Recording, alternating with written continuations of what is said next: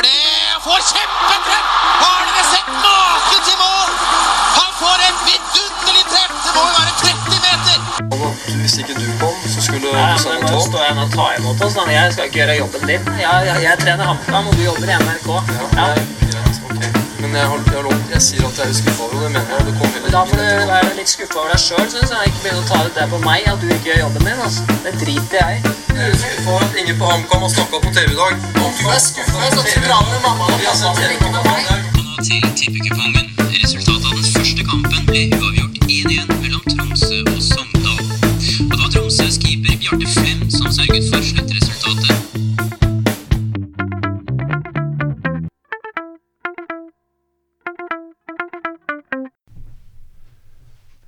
Hjertelig velkommen til Tribuneprat, en podkast om norsk fotball. Dette er en nysatsing som skal ta for seg eh, norsk eliteserie og norsk eh, Obos-liga. Vi er eh, fire stykker i panelet, og jeg presenterer deltakerne. Fra min venstre Christian Ruud Venneråsen. Hei sann.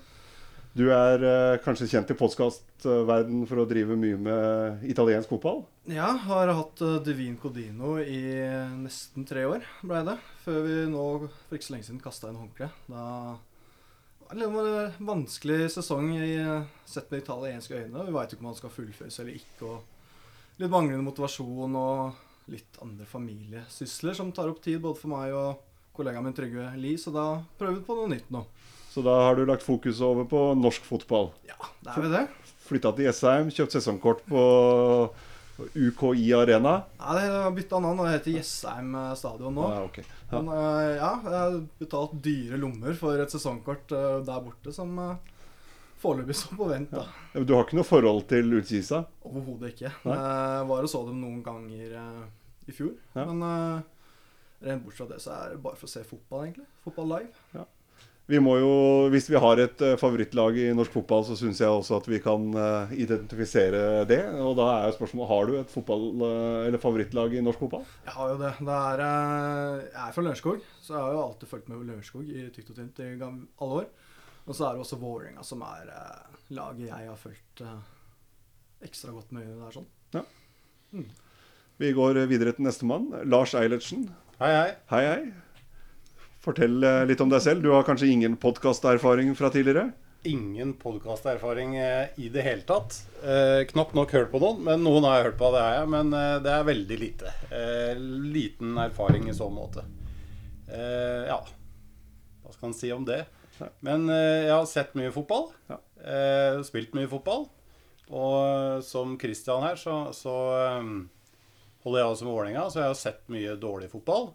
Eh, og jeg har spilt enda mer dårlig fotball. Eh, så, så det er min erfaring. Du er jo også fra Lørenskog. Jeg er også fra Lørenskog, og jeg følger også Lørenskog, selvfølgelig. Det gjør jeg. Takk til deg. Det er eh, tredjemann. Raymond Larsen Elsebutangen. Hei, hei. Hyggelig. Ja, Yes.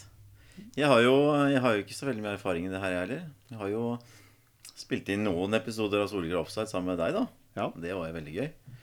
Så da tok vi for oss eh, det som da er mitt favorittlag. Det er da Lillestrøm. Eh, men eh, nå satser vi litt, litt breiere. Litt Eliteserien Obos. Er du den her som har spilt på høyest nivå sånn fotballmessig, hvis vi snakker opp i divisjonssystemet? De andre nikker, så da er jeg vel det. Tredjedivisjon med Hamar IL. Ja, jeg fikk jo til og med noe innhopp i annendivisjon også med Skjetten, så Andredivisjon med Skjetten også, ja. ja. Så jeg er jo fra Skjetten, da. Så Ja. naturlig å holde med Lillestrøm, da. Ja.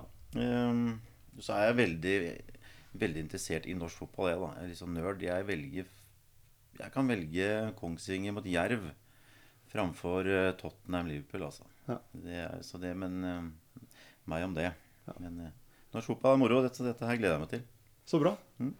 Så er det meg, da. Petter Olafsson. Eh, også litt eh, podkasterfaring, som Raymond sa, med Solklar Offside. En eh, podkast om eh, Lillestrøm sportsklubb.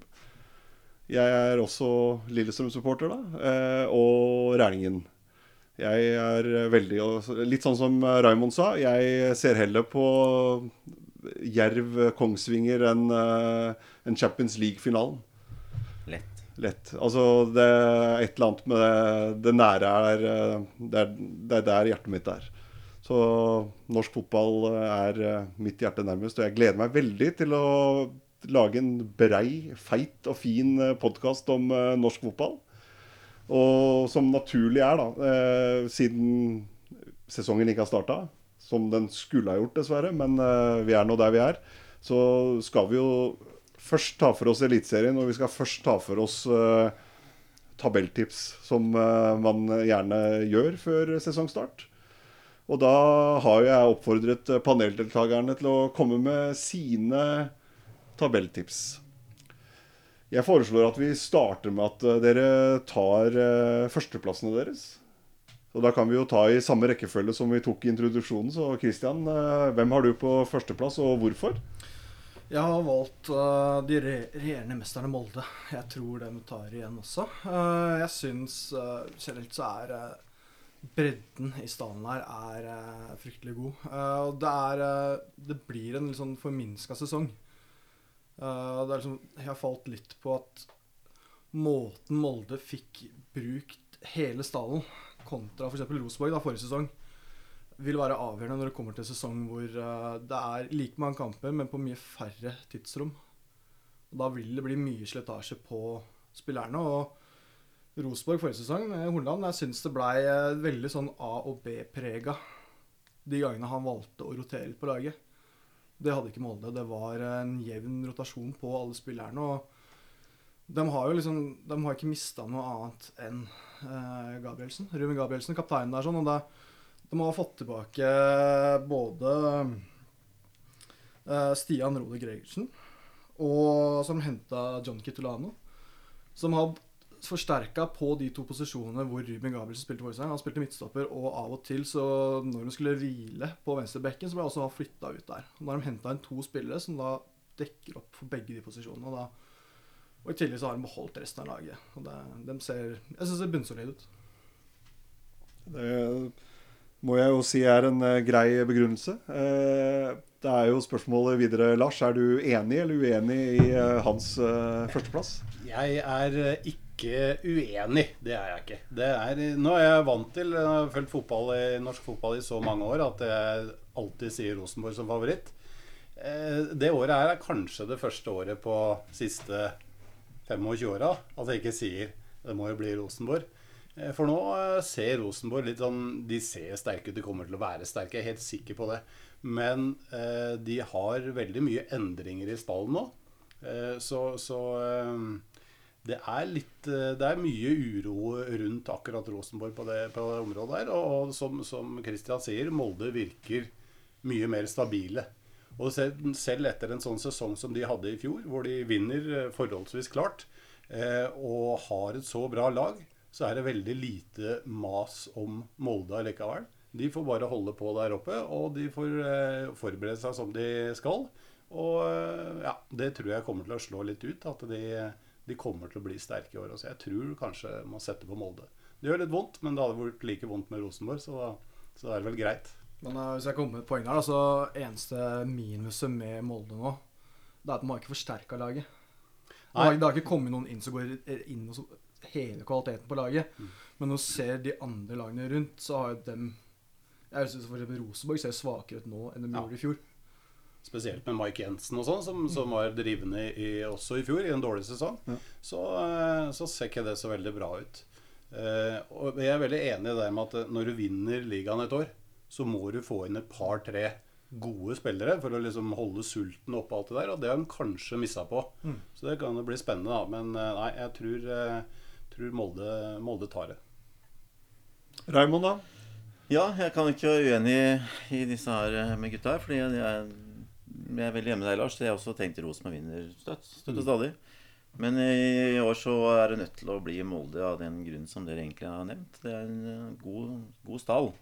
Og det er, ikke noe, det er liksom ikke noe B-preg over, selv om man tar ut eh, en Wolf Eikrem og bytter litt spillere på midtbanen der, den er sterk. Den er like sterk som i fjor. Og så har du fått inn et talent fra Tromsø, tror jeg. Holmgren Pedersen sånn. Et stort Ja. talent derfra. Så Ola Brynesen har jo også henta. Det er jo snakk om at man Ja. få han inn allerede nå. Ja, ikke sant, at man vil prøve at ikke vente til er han kommer også inn sommeren eh, han skal komme. Men hvordan er det med overgangsvinduet der? Er det noe Det skal jo gjøre om på dette her, da. Det har ikke kommet noe endelig bekreftelse på det. Men man vil jo bl.a. øke med to overgangsvinduer, eller flytte det. fordi i Norge så åpner man jo vinduer på sommeren ganske seint i forhold til resten av eh, kontinentet. Så vi får se hva den lander på. Men eh, det har vært snakk om enten å dele opp at man får to overgangsvinduer, eller at man flytter det til 1. Juli vel- som resten av Europa. Man prøvde jo det et år også, men jeg skjønner ikke hvorfor de gikk tilbake på det, egentlig. Men det stemte, stemte vel over det i går. Det var 13 mot 3 som faktisk skulle ha to uker nå før, og så to uker i sommer. Og da var jo Ja, og det, så det var vel Ettersom de stemte 13 mot 3, så regner jeg med at det ble banka gjennom også, eventuelt. Ja, det blei vel det. Ja. Så nei, så Molde er nok eh, en, en, en, eh, en klar favoritt i år, ja. Ja. Eh, og av en grunn til, som ikke dere har nevnt, da, så er det jo, har de jo pengesterke folk i ryggen. Eh, åpenbart et klart fortrinn. Eh, og det virker jo ikke som at de har lidd noen nød under denne koronakrisen. Nei, virkelig ikke. Og mm, du regner det, det spørs jo hvor mye man kommer til å investere i sommer, da. Eh, men kommer man litt skjevt ut, da, eh, når man starter opp, og så er det muligheter for å gjøre investeringer. Mm. Og når du ser eh, Rosenborg, ja, det er ikke det er ikke noe fattighus, det heller. Men eh, når du ser eh, hvilken hylle de har henta på den siste tida, så de har ikke den samme kjøpskraften lenger. Nei, og det tenker jeg Når vi er inne på korona, så tror jeg det kan slå hardere på mange andre klubber enn en Molde. Ja. Som har den type finansiering som de har, da. Med ganske trygge folk i bakgrunnen. Ja. Og et viktig aspekt her da, i forhold til det, så er jo det at med korona så er det da dårlig økonomi. Molde har ikke det. Så i utgangspunktet så kan de bare plutselig hente et par spillere fra en av toppklubbene i Norge også, hvor da de ikke kan kanskje rekke å erstatte dem en gang på den korte to uker nå, ikke sant. Så, så Molde står veldig sterkt i både der og sportslig, da. Det blir jo spennende å se sånn med hvordan fotballen forandrer seg. Og det er jo det store spørsmålet med den økonomiske krisa man har fått nå, er vil, Hvor mye vil dette påvirke man snakker om overgangsprisene? Jeg så en dansk eh, artikkel her, og det tok for seg lagene eh, i danske superligaen. Og spillersalg, eller eventuelt spillesalg til sommeren. og det da hadde man satt opp en vurdering da, for en typ månedstid siden med en pris på spillerne. Og nesten samtlige spillere var halvert i pris nå. Uh, rett og slett for å regne med at kjøpskraften fra utlandet er uh, mye dårligere. Men samtidig så er jo Man mener jo nå at eh, agenter mer eller mindre blir overflødig som, som tredjepart, som mellomledd fra klubb til klubb. At den biten vil forsvinne. At det lille man har igjen av økonomi eller av penger å bruke på spillesalg, det er den potten som blir borte, er den som tilfaller agenter, egentlig. For det, der forsvinner jo veldig mye penger. Du så jo Stabæk har jo brukt enormt mye penger på agenter det siste året. Og det er jo det mange spår nå, at uh, agentbransjen er den som kanskje lider mest. Ja, det, ja, det Jeg ser ikke noe negativt i det. Nei. Nei, det går veldig bra. La pengene som er i fotballen, forbli i fotballen. Ja. Ja. Ja, men da var jo panelet Soleklar vinner til Molde. Ja, det er, Litt kjedelig. Og da vil vi jo si, se i slutten av sesongen at eh, det åpenbart er en annen serievinner enn Molde, siden vi er så Ja, ja. Sannsynligvis er det. Så det er litt deilig det at vi har bidratt der. Ja. Så da er dere vel sikkert eh, like enig i plass nummer to. da Skal vi kjøre andre veien, og så kan Raymond få lov å starte med sin eh, andreplass på tabellen? Ja, det har, da blir det jo Rosenborg, da. Ja. Ehm, det var ikke noen god sesong i fjor. Ja, det, det kom seg vel egentlig, egentlig helt aldri Nei, egentlig aldri noe ordentlig bra ut av Rosenborg. Men eh, det har vært litt mer ro rundt uh, Rosenborg nå. Så korona kanskje kom bra for Rosenborg. Fått inn eh, Zakariassen fra Sarpsborg, da, som er god. Um, Islamovic eh, kjenner jeg ikke så veldig godt til, men eh, han er en spiss. Tung, svær spiss. Hørt mye bra om ham. Ja, jeg er litt sånn Han er ikke noe oppgradering fra det hva man hadde forrige sesong. Nei. Jeg holder både Alexander Sørlund og Bjørn Mars Johnsen høyere enn eh, Dino Islamic. Så vi snakker om spillere som han spilte for Østersund, som eh, kom et godt stykke ned på tabellen i Allsvenskan forrige sesong. Og han var jo ikke noe foretrukket spiss. Han var ikke Han var jo ikke førstevalget her, sånn uh, bankers på laget. da Han ble ofte brukt litt på kantene og litt inn og ut av laget. Så det er den hylla liksom, Rosenborg henter spisser fra nå. Og det, og det er jo ikke noe Det er Erik Bottheim da eh, i bakhånd. Og Ja. han har jo ikke helt vist han den store tilliten. Nei, han er ikke helt enig i det, altså. Så, men det blir spennende. Kan jo, man kan jo slå til her og der, men, eh, men det er ikke noe sånn kjempeforsterkning. Og det er jo også, det er sikkert litt derfor man tenkte andreplass også. Og så kommer jo Per Siljan Skjelbred inn også. Det, det er jo en forsterkning, vil jeg tro. Det ser jeg frem til. Det er jeg også. Han var en veldig morsom spiller å se på i gamle dager i Rosenborg. Eh, Hvor motivasjonen hans er, det vet jeg ikke, men jeg regner med at han vil komme tilbake og prege laget og, og Eliteserien. Han slår meg ikke som en type som eh, kommer tilbake for å slappe av i norsk Nei, helt riktig. Det er ikke noe? Alle disse her spissene som kom i Helstad Jan Åge Fjørtoft og alle disse som ja. skulle bare ha penger. Det, ja. Jeg husker jeg hørte en sånn, eller leste sånne greier fra Da var han ganske ung, da han Alexander Tetti da kom opp fra juniorlaget. Uh, det var jo en periode hvor eh, en del andre lag tok gullet. Og liksom den uh, storhetstida til Rosenborg var i ferd med å liksom, ta slutt. Og det var et par av de rutinerte spillerne som eh, De hadde sånn løpetrening. eh, løp rundt på treningsfeltet her. Så kunne det liksom ligge godt tempo. Roar Stam, eksempel. Altså, kunne plutselig høre bak seg da, at de hørte sånn Seriegull, seriegull, seriegull. Så ble det bare nærmere og nærmere, og så kom disse to unggutta bare føyk forbi. Da, ja, men han, han kommer jo inn, og de har jo kvitta seg med Mike Jensen, eh, som Lars nevnte her. Og det er jo lederen Mike Jensen som de kommer til å savne. Ja. spilleren Mike Jensen litt på nedadgående kurve, og får inn Per Stian Skjelbø. Sånn han tar det ja, det. Det gjør han nok. Men hadde de hatt begge de to, det hadde vært eh, skummelt. Mm. Kanskje de, ikke, de hadde kanskje ikke spilt samtidig, men to ledertyper. Ja. Nå har de bare én, og de må hvile seg på Skjelbø etter hvert. Og, ja. Så har vi jo mista en som kanskje er litt positivt å miste òg. Eh, en viss danske som, som satte sitt preg på forrige sesong der. Eh, og det tror jeg at, at Bentner liksom er helt ute av eh, alt, det tror jeg er positivt. Det, det slo bra ut. Ikke det at han er noe dårlig spiller, han var god, han. Eh, når, når han var god. Men, men det å få han inn i Rosenborg-miljøet, det var litt vanskelig å se meninga med. Ja. Eh, og det tror jeg kan telle positivt. Laget med Godfoten-teorien henter en sånn type. Det var litt uh, er litt Ikke veldig rosenborsk. Nei. Det var, Nei, okay, det. var en veldig morsom nyhet den når det kom, husker jeg. Ja, det er kjempegøy. Ja, det er Så for norsk fotball så var det veldig, veldig gøy. Ja, absolutt. Men eh, du nevnte ute av det. Han er veldig fort ute av pokerturneringer også. Han Ja. bort 70 millioner, så jeg. Så. Ja. Nå, nå, han, han var ute i dansk media for ikke så lenge siden og sa at nå skulle han satse på en trenerkarriere. Og jeg ble overraska over hvor mange liksom eh, rundt omkring i fotballverden da, som hadde spilt med Benter. som var liksom sånn Man regner jo med at ja, han inn som trener der, hva blir det? Blir en Jon Arne Riise? da? Men det var kun liksom positive ting de hadde å si. Om Ja. han sånn fotballfaglig, da. Det, Klokt Ja. fotballhode. Ja. ser jeg. Ståle Solbakken Mm. Skamrosten jo for at, ja. at han hadde en god potensiell karriere som trener. Mm. Så det, ja, det er også veldig overraskende. Han slår meg ikke som en eh, reflektert type, nei.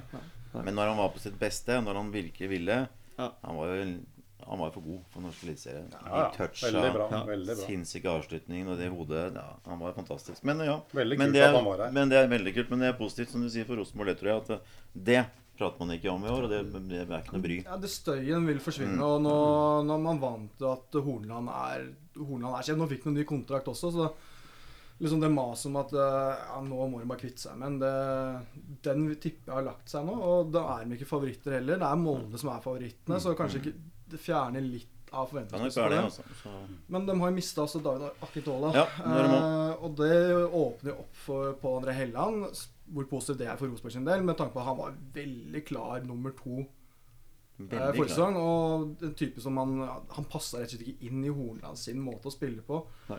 Nå vil jo han gå inn og spille vesentlig mye mer. Og det, det å fjerne mye støy For det var jo Mm. så mye støy rundt klubben at det, ja, skal han spille, eller skal han dra? Mm. Han må få spille, for han er en sånn publikumsfavoritt. Han er en sånn profil. Mm. Og ja, det er mye mindre støy rundt Rosenborg i år, men det er et mye svakere Rosenborg. Ja. Men vi kanskje kan forvente litt mer av Rosenborg. er Han Samuel Atenbendro. Ja. Han er en spennende spiller som ikke fikk noe særlig til i fjor. Så, så Rosenborg blir der oppe. De har jo mista Søder også. Ja. Det, Og Dylan- Dylan han er jo en sånn klassisk Rosenborg-spiss, eh, målgarantist. eh, Og de mener jo, som dere Altså den spilleren dere snakka om tidligere, har erstatta med han fra Østersund, da. Ja. Som ikke er en toppspiss, som du sa. Nei, han er ikke Fint venstrebein. Ja. Det er det man kan si om ham. Ja. Men eh, altså Sørli nå så, Ja, han På sitt beste så var han ikke det. Han, han bøtta inn mål en periode. eh, men jeg syns forrige sesong at han passa ikke inn i 4-3-3 som midtspiss. Han er utrolig godt oppspillspunkt. Det er en klok fotballspiller. Hvis du ser måten Rosenborg Hva skal jeg si Måten kunne hvile, da. uh, flytte laget etter ved å lempe opp på han. De fleste norske spisser header han bare i bakgrunnen hvor det ikke kommer noe løp. Han var ekstremt god på å holde den i, ballen i kroppen. Og da får du flytta opp laget. Han hadde hatt da én spiller til i boksen, eller nærmere han, da, eh, så ville man fått en ja, mer kvalitet på topp. Men han blei veldig isolert. Når man da også hadde to veldig klassiske vinger.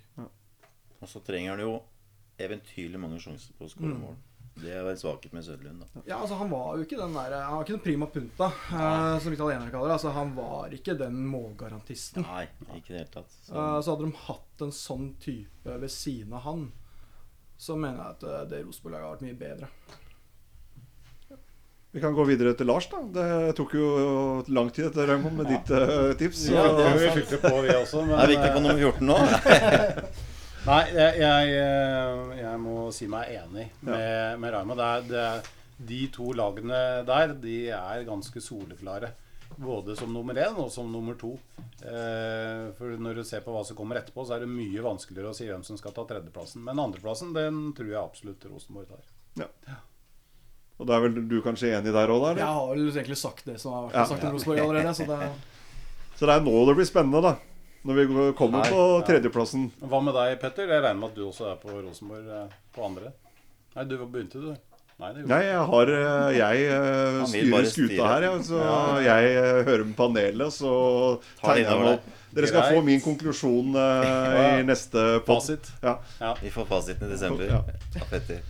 Men tredjeplass, da, nå, som du sa, Lars, at eh, første- og andreplass uh, utkrystalliserer seg ganske klart eh, ut fra det vi ser. Spillerstall, du ser i forhold til ressurser. eh, begge lagene er ganske pengesterke. Mm. Eh, Rosenborg har jo mye større potensial publikumsmessig og, enn det Molde har. Da. Molde klarer jo ikke å fenge nærområdet sitt. Det er kanskje noe jeg ser på som Hvis vi skal se fra tribunen, så er jo Molde svake på å klare å dra med seg eh, Romsdalen. ja, nå har jeg aldri fått det til der. Altså. Det, har jeg ikke, det har vært mye gode lag der. Eh, Det er flott stadion, og det er liksom det er et prosjekt som liksom Det tar ikke slutt. Og det er, men allikevel Nei, de klarer bare ikke å fylle opp. Nei, selv, Helt, eh, eh, selv ved seriemesterskap så blir det liksom maks tre fjerdedel. Ja, det, det er liksom Norsk fotball trenger de der gigantene, altså de fra de store byene. Man trenger et Brann, man trenger et Vålerenga, eller man trenger et Oslo-derby. Mm. Man trenger et Rosenborg som går bra. For når de lagene går dårlig, så mister man veldig mye av interessen rundt fotball. Ja. Både fra de som drar og ser på, men også fra media. Og det, Ja, det er et kjempeproblem. Hvis ikke de store lagene gjør det bra, da, det er, det som da betyr det at norsk fotball er ræva. Og det irriterer meg så veldig. Da, da er det, det går ikke an å, å fremsnakke noen andre lag i Norge. Vi gjorde det litt med Bodø i fjor, da, selvfølgelig. Men det er liksom ikke lov i Norge, det. Hvis, det, hvis, hvis Rosenborg er dårlig, så betyr det at nå er eliteseriestandarden elendig. Svakhetstegn, ja. Ja, Ja. Ja, det er Svakhetstegn når Rosenborg er dårlig. Det er svakhetstegn for norsk fotball. Og for, og for vi som er glad i norsk fotball, så syns jeg det er så utrolig provoserende. Så media har en stor jobb å gjøre også, for å få interessen opp. Og ergo da publikum inn på stadion igjen. Absolutt. Men det som er litt artig, da, og, og kanskje litt kult, eller litt vanskelig for Molde i år, er jo det at de har jo tre lag rundt seg som er typ hatoppgjør eller lokaldarby, da, med både Ålesund og Kristiansund og Rosenborg. Og når du er det beste laget, så er lokaldarby det verste du kan ha, på en måte. Det, det, det jevner ut oddsen når du skal spille de kampene der. Og det er ikke noe fordel for Molde, men det er kanskje en fordel med at det blir liv på tribunen og mye folk og sånn, og det er gøy. Ja. Det syns jeg er kult. Ja. Nei, men det har vi jo prata om første- og andreplass, så da kan vi jo gå over på tredjeplass. da Og da, Lars, skal du få lov til å begynne med Det din var jo kult at jeg fikk det, den først, da, for den er betydelig mer vrien, som jeg var inne på. Jeg, jeg, jeg kan liksom Jeg føler at jeg kunne plukka en fem-seks lag som kan hende på den tredjeplassen. Eh, og kanskje flere også, for det er liksom så veldig usikkert. Og, og det er jo det der som vi snakket om med svakhetstegn i norsk fotball og sånn. Det, det ville alltid være sånn at det, når, når du bytter veldig mye på, når det ene laget gjør veldig bra ene sesongen og veldig dårlig neste sesong, à la Sarpsborg f.eks., så, så er det et svakhetstegn. på en måte At de ikke klarer å holde noen form for stabilitet. For det er antageligvis ikke de andre lagene som har blitt så mye bedre. De har på en måte bare ikke klart å holde en form for stabilitet. Og det er veldig vanskelig å se hvilke lag som skal liksom holde den stabiliteten og være stabilt gode. Et lag som Viking eller et lag som Bodø-Glimt, som har hatt gode sesonger, er veldig vanskelig andre sesong på dem nå, når, når, de skal på en måte levere det en gang til. Eh, og Dermed så ender jeg kanskje med på litt de større klubbene igjen. da, og Jeg kunne godt tenkt meg å sitte Vålerenga, men det, det, blir det nok ikke. Det er ingen god grunn til å tro. Eh, og litt sånn tilsvarende med Brann, kanskje. At liksom, ja, de burde jo kanskje benytte sjansen til å, til å nærme seg de beste lagene. Eh, og så er det kanskje ikke så mye som tilsier det heller, men, men jeg, allikevel så faller jeg litt ned på, på Brann, faktisk. Så det, men det er, eh, de er definitivt en outsider til å kunne ta medalje. Men eh, ja, jeg, jeg havner på dem. Ja. Christian? Jeg går for Bodø-Glimt. Ja. Eh, fjorårets store overraskelse. Jeg syns måten man takla salget av Amel Ajoni på Det blei liksom man mista jo ekstremferdigheter, og likevel så klarte man å liksom tvike akkurat nok på spillestilen til at det fungerte. Uh, man hadde jo ikke noen ordentlig midtspiss i Glimt forrige sesong. Uh, nå har man mista Evjen, er jo forsvunnet til Nederland, altså et Alkmaar. Man mista ganske mye. Uh, Ricardo Friedrich i mål er vel kanskje den eneste jeg mener er ordentlig savna. For jeg ja, syns Ja, Evjen han hadde jo en helt rå ferdigheter. Han var en sinnssykt god spiller.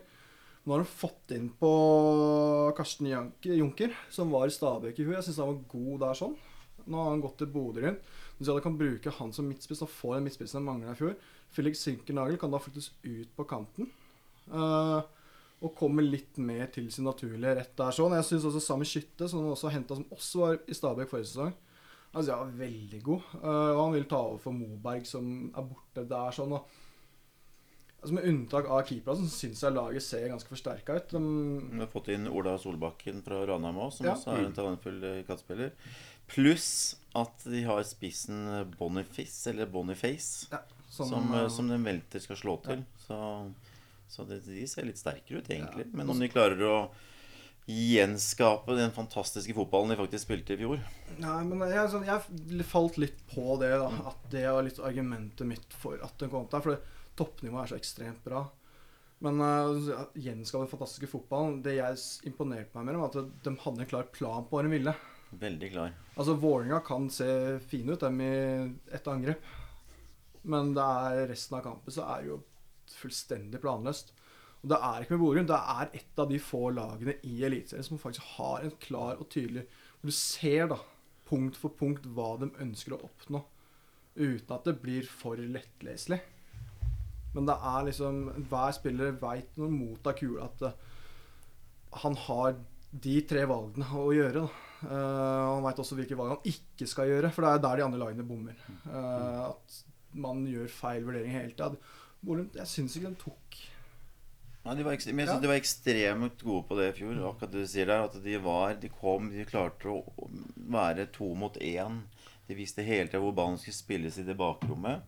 Så Det aller viktigste mener jeg også er at de klarte å beholde Kjetil Knutsen som uh, trener også. I, mm. ja. Det virker som en uh, tydelig trener, som du sier. da Altså tren, uh, Både i forhold til det i, med spillstil, mm. men også det å hente spillere som passer inn Altså Han henter ikke navn. Nei, han har er... spillere som passer på måten han skal spille på. da Ja, og Åsmund Bjørkan, da, som hadde hovedtreneransvaret, som er sportssjef der nå, har gjort ja. ekstremt god jobb med spillerne han har signert inn. Og altså, Man har fylt på i alle posisjonene. og ja, man mister kanskje den der ekstreme kontringen man hadde i fjor, men jeg tror jeg liksom sånn så når Lajoni forsvant, for da mista man litt av det. At man klarte likevel å gjøre de små endringene som skulle til for at det ikke ble et merkbart savn. Og ja, de har den kontringsevnen, men de har jo også den evnen til å skape ting ved å holde ballen i lag og bygge opp bakfra. Det, Det hjelper eksempel at de har Marius Loda, midtstopper, som er kanskje den beste ballspilleren eh, blant midtstoppere eller forsvarsspillere i Norge. Eh, det hjelper veldig at du har en sånn type til å bygge opp bakfra. Ja, jeg syns eh, måten de fremstår på i løpet av 90 minutter, gjør at de kommer over de andre. Bodø-Glimt er en solskinnshistorie, egentlig. Fra å ha ligget med økonomisk brukket rygg til nå sikkert ha en del millioner på bok. Ja, ikke sant? Veldig kult. På få år. Ja, og de eh, salgene man gjorde i fjor sommer, det gjorde at dem takla den her. Dem var jo til og med ute og prøvde å hente spillere også. De prøvde å hente Ege Selvik fra Odd Grenland som ny keeper. Ja, stemmer det. Uh, Odd ville jo ikke selge der, sånn, men uh, det viser jo at det var, det var ikke noe krise der. Nei, Det, det som er eh, litt kult der, og det som vi prata om i stad, med at hvis du har en veldig god sesong, så må du gjøre noen endringer. For, for de toppa den sesongen i fjor. Det var veldig, veldig bra. Og de fikk ut på en måte hele sitt potensial, ser det i hvert fall ut som. da. Og da de endringene de faktisk har gjort, som de delvis er tvunget til gjennom salg, men også hente inn på en måte det de har henta inn. Det er ikke at det er noen store profiler, men det er spillere som har spilt i Eliteserien eller i topp, eh, toppdivisjonen i Sverige og Danmark. Det, det er positivt. Men jeg tror fremdeles at det blir at det blir en veldig tøff sesong for dem. De, de møter lag som har eh, fulgt med på hva de har drevet med forrige sesong. For, det, for det, ja, det er som du sier, det var en solskinnshistorie eh, på banen også. At liksom, de hadde klare planer og de, de visste hva de drev med. Det finner jo folk ut av. Du Sånn så jo annen halvdel av sesongen i fjor, da, hvor, eh, hvor eh, lag som møtte Bodø-Glimt etter å ha tapt mot de sa at vi vet hva de kommer til å gjøre, vi, vi vet hva de kommer med. Men allikevel så klarer vi ikke, fordi de er så hurtige i det de gjør. Altså De har spillvendinger, og ballen går for fort. Og de er så drilla i det de gjør, så uansett at motstanderen vet hva som kommer, så klarte de allikevel ikke å demme opp for det. Nei, for de hadde jo litt sånn ekstremkvaliteter òg, da. Ja. Med blant annet mm. som var inne på, som har mista nå. Men, men det var jo det, det skaper jo ting. Og det er vanskelig å demme opp for uh, sånne kvaliteter. Det blir liksom, Jeg hørte et intervju med Hans Bakke, uh, som trente Molde og Stabæk tidligere. Uh, vært assistent for Svennis og liksom vært litt rundt omkring. da. Uh, han fortalte om da han var i Stabæk. Eh, så hadde han blitt invitert Før han skulle møte Rosenborg, hadde han blitt invitert opp til Trondheim av Nils Arne Eggen for å sitte på spillermøtet. For det var sånn at eh, ja, du kan godt sitte her i tre minutter og vite absolutt alt vi skal gjøre, men vi kommer fortsatt til å slå deg. For det er så god Så syns jeg at det er eh, Det er få lag da som hadde en tydeligere plan på hva de ville enn Bodø. Ikke bare De hadde en tydelig plan, men evna også å få det ut. da Gang etter gang. Det var det som er sterkt. Mm. Jeg, ikke, jeg har prata varmt om Bodø-Glimt, men jeg har også landa litt sånn som på Lars. da, med Litt sånn stor klubb. Eh, Brann eh, svake i fjor. Skuffa stort. Hadde en forferdelig avslutning på sesongen. Mm. Så jeg, hvorfor jeg egentlig landa på det, det er litt sånn usikker på. De har også mista Wormgård. De har mista Mm. Berisha, Yttergård Jensen. Tre sånne litt store spillere der. Fått inn eh, Pedersen fra Lillestrøm, som hadde en forferdelig sesong i Lillestrøm i fjor. Kom aldri i gang, egentlig. Hadde en kjempehøstsesong når han kom inn der. Og så har de fått inn Taylor fra, fra Tromsø og Tveita, vel. Altså Det er ikke noe oppgraderinger i Brann, men, eh, men året før der igjen da, så var Brann gode, og det er det samme opplegget de kjører igjen. Så de, jeg tror de klarer å gjenskape en slags stabilitet da, som er godt nok til å ta bronsemedalje. Ja. Ja. Da fikk vi to Brann og én Bodø-Glimt. da. Ja. Spennende. Skal vi hoppe over til eh, fjerdeplass? da? Det er jo nå det blir litt interessant når Ja. vi er litt uh, uenige. Og det er jo bra, for da får vi jo diskusjoner og litt uh, fagprat om fotball. Og det er jo det som skal være grobunn for hele denne podkasten. Så Raymond, du kan få lov til å starte med din uh, nummer fire. ja, der er jo Det Bodø. Bodø. Ja, jeg snakka ferdig egentlig om den. Ja. det, er, det er kjempevanskelig da å plassere disse, disse lagene her. Hadde faktisk varma hjertet mitt om eh, Bodø presterer like godt som i fjor og enda bedre og havner enda høyere opp. Altså, men, eh, for det var så bra å se på. Men, eh, men ja, Bodø på fjerde, uten å si altfor mye om det. Mm. Ja. eh, på min fjerdeplass så har jeg eh, det litt kjedelige laget Odd. Eh, de eh, syns jeg utmerker seg lite. Men, men jeg eh, Ja, de er en litt sånn eh, Kommer litt fra ingenting i år. De har jo selvfølgelig bytta trener, noe som er en sikkert svær greie der nede. Og kanskje burde slå ut negativt. Tror ikke nødvendigvis det gjør det. Eh, Så jeg har satt Odd på fjerdeplass, men det er også litt Kanskje litt kunnskapsløst, men jeg, har- tenkt at, det, at, de, at de kommer igjen. Odd også spilte jo bra i fjor og hadde Børven på topp der. Mm. Så det var et eh, Ja, om det er kje- jeg kan ikke se kjedelag, for det er jo forutlaget til kona, så jeg må passe med mine ord nå. Men, men det er ikke noe dumt, det, tenker jeg, da. Altså, de spiller også litt som Bodø. Ja. De har et fast system. Jeg er spent på Det blir vel det samme igjen med Nordnes. Ja. At eh, Ja. Så det var absolutt ikke noe dumt, tenker jeg. Det var ikke noe fyrverkeri av en eh, treneransettelse.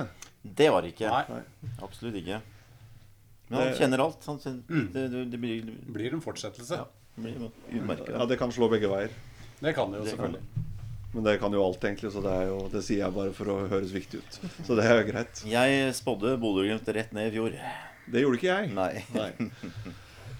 Ja, Kristian, din fjerdeplass? Jeg, jeg, har Odd langt, langt ned på tabellen. Jeg tror den får en uh, marerittsesong. En, uh, altså, Jan Fro- eh, Frode kommet kom inn, da. eh, assistenten. Som assistent i mange år, da. Mm. Eh, han som skal gå og kappe spillere på skulderen og Fagermo har gitt dem en skyllebøtte. Plutselig skal være the bad guy. eh, og uten å komme med noen revolusjonerende ideer. Han prøver å tråkke i samme sporet uten den samme pondusen. Eh, jeg tror det spiller negativt ut. Uh, Oldrup Jensen er borte. Han var eh, den som da skulle styre spillet. Eh, hjernen bak dette her. Nå er han borte.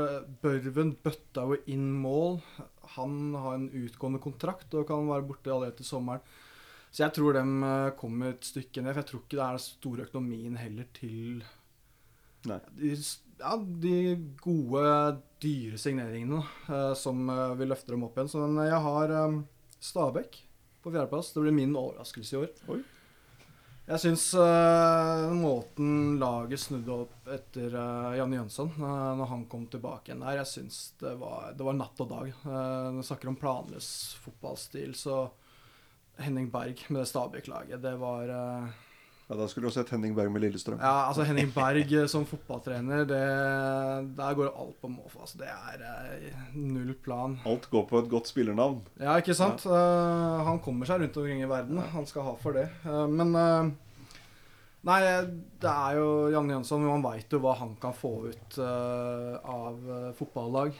hvilken fantastisk fotball det kan være. Og jeg synes, eh, Nå har hun mista Inge André Olsen, da. men han har jo hatt det overgangsvinduet som har vært nå. Det er han som har styrt det. Nå er han borte. Bjarmann har jo kommet inn. Spennende å se hvordan det spiller ut i sommeren. Men jeg syns de signeringene man har gjort, altså man har fått inn Mats Solheim eh, Kanskje ikke den mest sexy fotballspilleren altså, i form av ferdigheter, men det, her får man Eliteseriens mest anvendelige spiller. Det er ikke en posisjon ikke han kan bekle. Og her kommer en fyr, altså Han hadde skyhøy stjerne i Hammarby. Han var liksom publikumsfavoritten. Han var den hun satte inn uansett altså hvilke, hvor viktig den kampen var.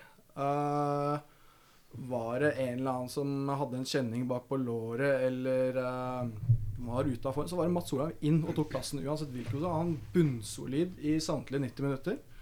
Og fått inn han. Uh, morsom fyr. Sånn Instagram-type, da. Så det er en knallsignering. Jeg skjønner ikke hvorfor Kan man si større klubber enn Stabæk ikke gikk for han? Det var jo tydelig at han skulle til Oslo. Hvorfor gikk ikke Vålerenga all in for å få en sånn type si, publikumsfrier, da? Det er Det det lå, jo, det lå jo ganske åpent lenge, det der at han skulle jo hjem. Ja, han, skal, han skulle jo til Oslo, for han skulle studere. Han Ja, skulle ikke og- liksom til Sogndal eller det var liksom Det virka ikke som noen som uh, tok tak i saken. Og kom Stabæk helt sånn ut av det blå. Eh, også veldig overraska over at han valgte Stabæk. Da. Men eh, igjen, det er ikke sikkert han ha, hadde noe valg. Er Nei, ikke eh, sant. Det- Men det er også altså, Fiti Maseme, grusom i Vålerenga. Uh, var god i Tromsø. Da var på utlån der fram til han ble skada. Han var jo veldig god i Bodø-Glimt før han dro til mm. Nakabi Haifa og Israel.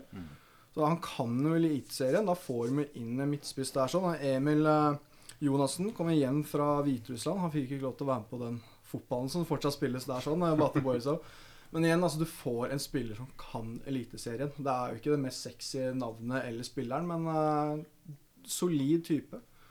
Så jeg syns uh, Altså Romain Ga- Gall, da, som har kommet fra Malmö FF, som er uh, kantspiller med ekstrem fart. Amerikansk landslagsspiller. Uh, som Vålinga prøvde seg på faktisk i fjor sommer, uten å få den. Eh. Og igjen, altså, jeg tror han er spiller som uh, Han kan overraske i Eliteserien. Det er Jeg er veldig enig med, med at Stabæk kan overraske. Mm. Veldig enig i det, faktisk. Jan Jønsson er vel kanskje den beste pedagogen i norsk eliteserie. Ja, han, øh, han er fryktelig dyktig trener, og ja, CV-en hans taler jo, taler jo sitt. Og de er jo et lag som stadig trekker opp nye unge spillere som du knapt har hørt om. Så, så det, og det gjør de sikkert i år også. Ja, fryktelig godt ungdomsakademi, og det, men det er spennende å se da om man Jeg syns man med de signeringene man har gjort nå, kanskje viser en litt tydelig retningsforandring. At uh, nå er det ikke kun spillersalg det skal handle om. Uh, når du ser Etablerer seg, altså. Ja, det er uh, rutinerte spillere som kan dette her. Og man så i fjor sommer også, man fikk inn litt rutine. Og så får man heller ha noen færre unge, lovende spillere som kan generere gode penger til dem siden. Ja. Så er det jo spennende å se om ungdomsavdelinga fortsetter å produsere da, etter at Tårn Olinas på en måte har gått ut derfra. Om det fortsetter i den Mm. stilen, det er jo litt spennende, da. For det, nå, nå har de bare, det Man kunne bare ta for gitt at det kom noen, det kom noen fra Stabøk. Ja. i de siste fem åra. Så har det bare kommet noen hele tiden. Så hvis de klarer å produsere framover der også, så kan bli spennende. Ja, så har de eh, til mitt syn kanskje ligas beste keeper i Markus Sandberg. Han kan være helt fantastisk. Ja. Mm. Mm. Det er jeg helt enig i. Han er veldig god. Stabæk har jo den kulturen også i forhold til altså Det er jo mange andre som har gode akademier, men det allikevel ikke slipper til. Ja. Og Stabæk har jo den kulturen i ryggmargen at Mm. eh, de slipper til unggutter. Og det er jo den eneste måten å la unge fotballspillere vokse på, er å gi dem sjansen. Og det skal de ha all kred for, å- tørre det. Mm. Ja, så snakker vi, nå kommer Bjarmann inn, da. Uh, vi snakker om å gi unge spillere sjansen. Ja, altså, man skal jo gjøre det, men uh, jeg føler at Bjarmann tidligere så det med Lyn. Da hadde vi også Henning Berg. Lillestrøm også med Henning Berg. Da blei det nesten sånn uh, Vi bruker unge spillere kun for å bruke unge spillere for å fjerne forventningspresset. Uh, for da har man en unnskyldning. Man har den skulderputa. At det, ja, ja, da gikk det ikke i veien i år heller, men se hvor ungt laget vårt er. Du kan ikke forvente mer. Uh, men sant, i Lillesand så fjerner jo det et forventningspress som ikke finnes i Stabæk. Det er jo ikke Det, er, det koker jo ikke rundt den klubben. Nei.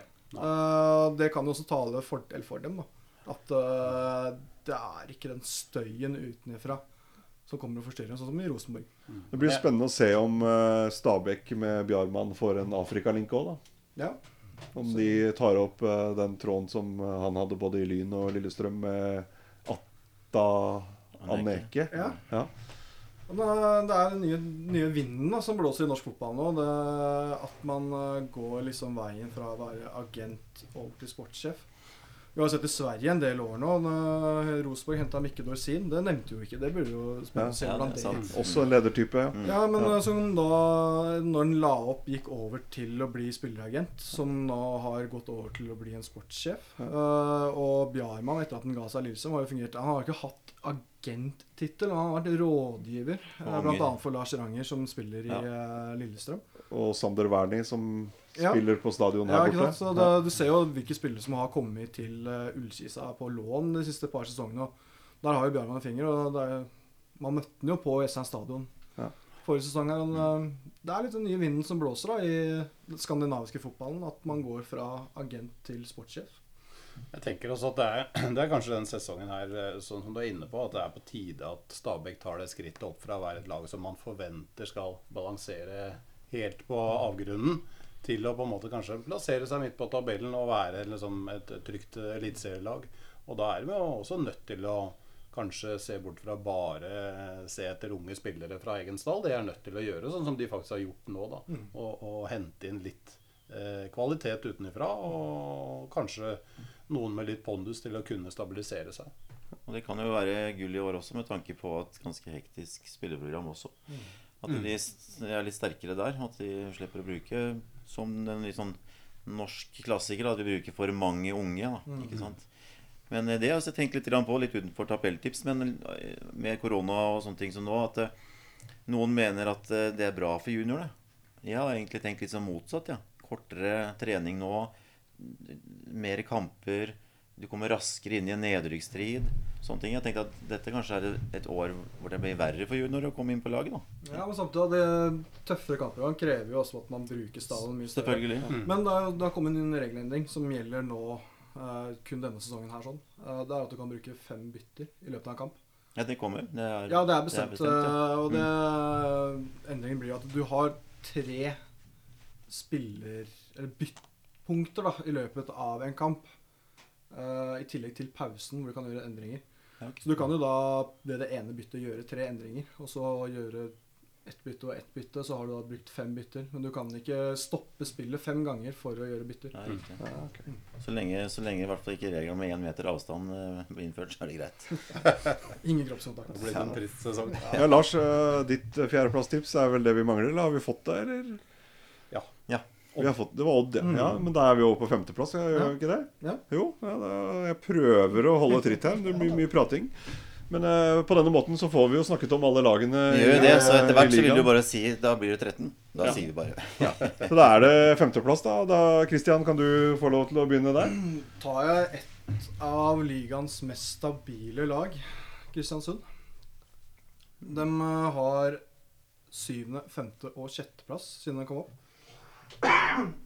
Og det Ja, jeg Hva skal jeg si? Eh, jeg ser ikke den store svakheten der som jeg gjør kanskje på en del av de andre lagene.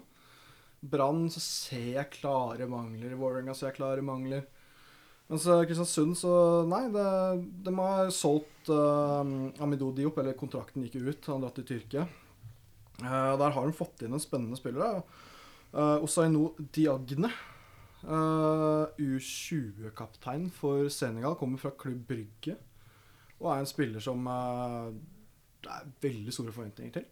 Uh, både i Senegal, men også i Kristiansund. Og det er en spiller som har vært lenge i Europa. Han er liksom vant til den europeiske måten å spille fotball, klima, kultur, den biten. Så det, de har For det er allikevel en overraskelse klimamessig med på Vestlandet der. ja, det vil den jo, men uh, de har snakka om at eh, det gir For det, spillet trenger jo en tilpassing. Og særlig når du henter spillet direkte fra Afrika, så trenger man tid på å kunne ja, Det er en ny verden, da. Ja.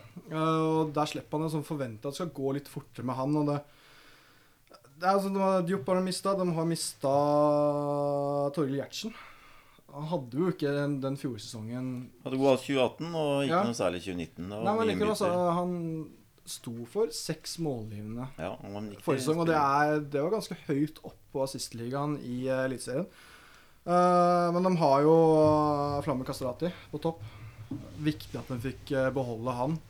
Og som profil, altså er det en fyr som skaper litt blest rundt uh, Kan man si en litt sånn grå klubb, da. En klubb som fort blir glemt da, av media.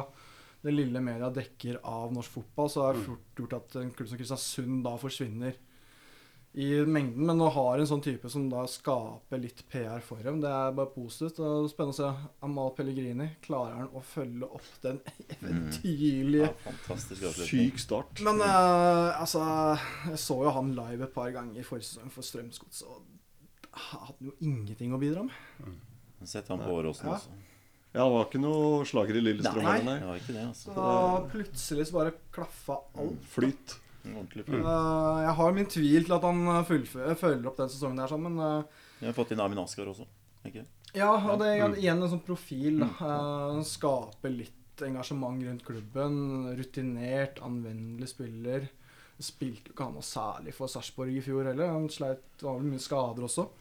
Men jeg syns totalt sett at de har en jevn og fin bredde i dette. Og vi snakka altså gode keepere. Det er jo også Kristiansund har en fryktelig god keeper også. Så. McDermott. Ja. Veldig god keeper. Og det som jeg, det misunner litt med Kristiansund og trener Mikkelsen, er det derre Hvor lite press det han legger på seg sjøl og laget sitt. Det er Her snakker vi ikke om tabellplasseringer, vi snakker om kamp for kamp. Han er utrolig god på det, og han klarer å skape en entusiasme i det laget der som egentlig ikke har noen stjerner. Allikevel så har de gjort det godt nå tre år på rad, ikke sant? Og de har vel Nå klarte de jo ikke det har i alle år fremover bare blitt gått høyere og høyere, og høyere men allikevel Stabile. Over midten i fjor også. Sikkert. Imponerende, Ja, det er kjempeimponerende. Så det, ja, apropos pedagog, da. Mikkelsen må være ja. ekstremt god til å motivere spillere. Men du altså. snakker jo om at øh, altså, du har trenere som skaper også et unødvendig press på klubben, da, med liksom sleite kommentarer. Han står bare og smiler og er blid. Ja, og har sett hvordan det går. Type. Det er bare sånn, nei, nei, nei, det her er ikke noe problem.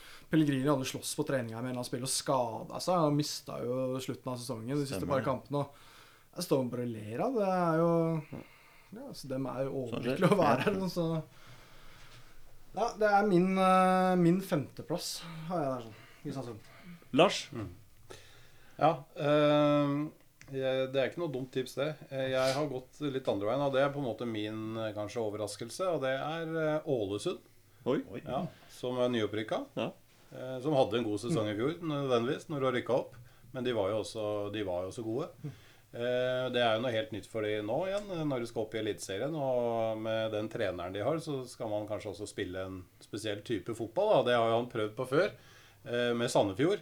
Men det tror jeg kanskje at det læringskurven var bratt den gangen, og jeg tror, har litt trua på det. De har jo ikke mista noen spillere av noe og Ja, særlig. har uh, Trandarsson, uh, Ja. Goaie uh, Men eh, de har på en måte henta inn greit, og jeg, jeg har litt trua på det, at de kan være årets overraskelse. Eh, og det tror jeg hadde vært litt kult også. Er det, er det fordi det er Lars Bohin og det er Vålerenga-hjertet ditt som taler nå? Nei, det, nei, det tror jeg ikke. Det tror jeg ikke det er. Jeg, skulle, jeg hadde vel egentlig ønska han eh, til Vålinga nå, jeg. Eh, men eh, sånn ble det nok ikke. Så Nei, jeg, jeg har litt trua på at det kan være overraskelsen. Det skal jo være en overraskelse. Og, Det blir det alltid. Det alltid, Det blir det. det alltid. Jeg føler at enten eller er med Ålesund. ja, det kan, så ja. ja, får en full flyt og havner der oppe, eller så går Ja, det rett hadde jo noen noen sterke resultater i cupen i fjor som viste Ja, at det de holdt et godt nivå. Så har de fått inn han det ikke? Han som spilte i Fulham også, en engelsk spiller. Ja, Han har kommet inn. Mm. Det er spennende, det. Ja, altså, det føler jeg også er en sånn type signering som er litt som med Ålesund. Det blir enten eller. Ja. Altså, ja, Han har jo flere gode sesonger i Premier League. Men han har også hatt en voldsom liksom, fall liksom, karrieremessig. da. Fra da liksom England, så sveip innom Sør-Korea, og så nå er han i Norge. Men igjen, det er jo en type som tar med seg bøttevis av erfaring. da. Eh, kan sette en standard i laget der sånn. Eh, Hvor gammel er han? Han er vel fortsatt ikke 30, tror jeg. Nei, Jeg tror ikke jeg skjønner det. Er 29, 28, 29. Så, Så det er ikke Nigel Rio Cocker som Nei, kommer å, uh. Fantastisk, da. tidenes signering. Ja, ja. Ja, det er bra. Raymond? Nei, Jeg går for Sarpsborg 08. Jeg er på en femteplass, da. Oi. Ja, det. Ja, det kan være spenstig, det. Jeg har fått inn et par Norrköping-spillere som er øyebeskrevet bra for meg. Men eh, også Ofkir, da.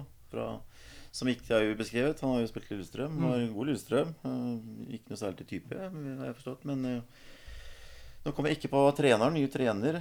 Uh, Mikke Stare. Stare, Stare. ja. Sterk mm. trener. Ja, Ja. så det er det liksom der jeg har lagt litt av grunnlaget. Og at eh, Sarpsborg har jo Ja, de var, har jo på en måte vært litt sånn katastrofe et helt år, da. Fordi, med, men de var jo helt fantastiske i Europacup.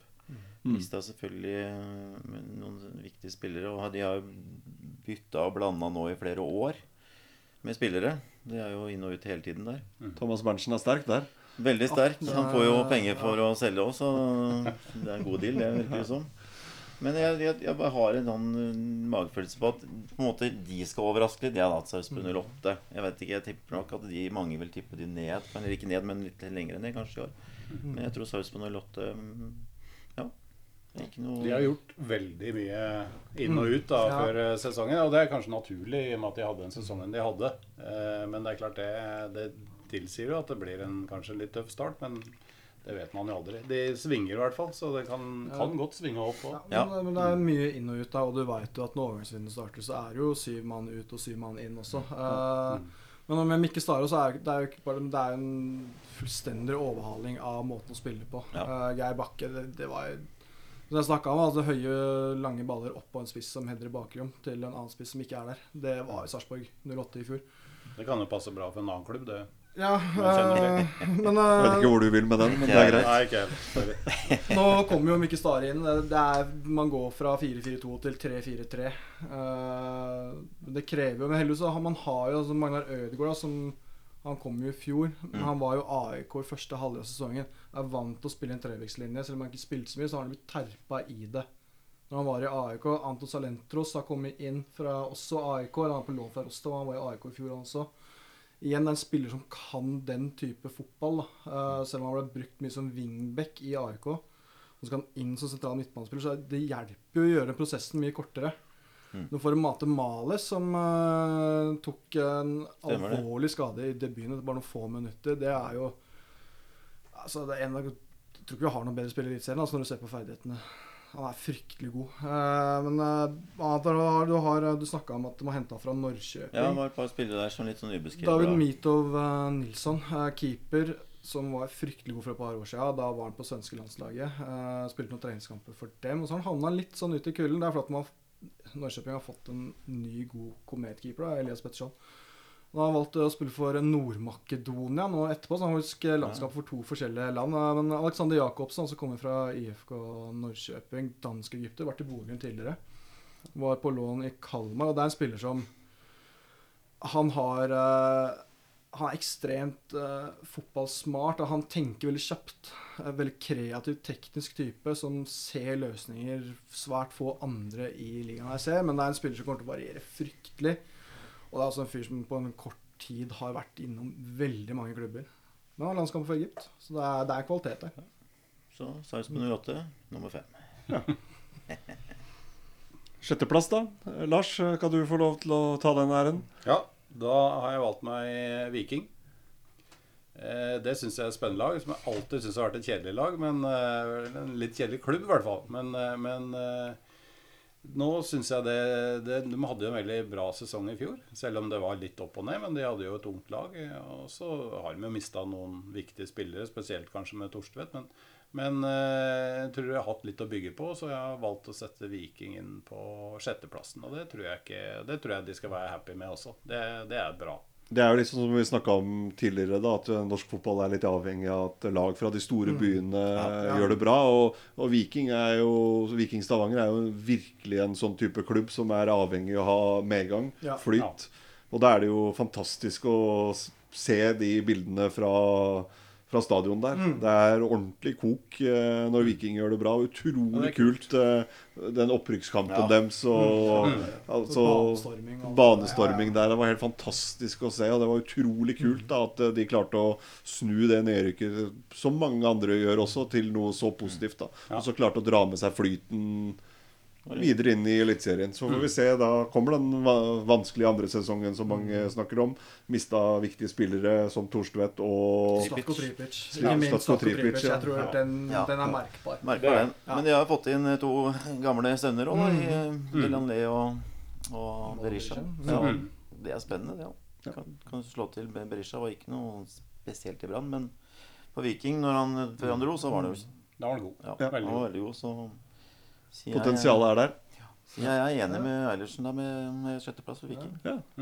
Jeg er litt usikker på det. For jeg, altså, vet om Brysja har henta inn han som skal være midtspissen. Uh, det, jeg, forrige sesong altså, Han viste jo ingenting som skulle tilsi at han er en timålsmann. Men uh, før han dro fra Norge, så bøtta han jo inn mål. Så var han jo akkurat det, så Jeg, liksom, jeg har Vålerenga da på min uh, sjetteplass. Eh, det er litt sånn Tok fingeren og fukta den, og så stakk den opp i lufta, og så så hva som blåste hvor. Uh, Dayale Fagmo er kommet inn. Uh, man får en tydeligere plan på hva man vil.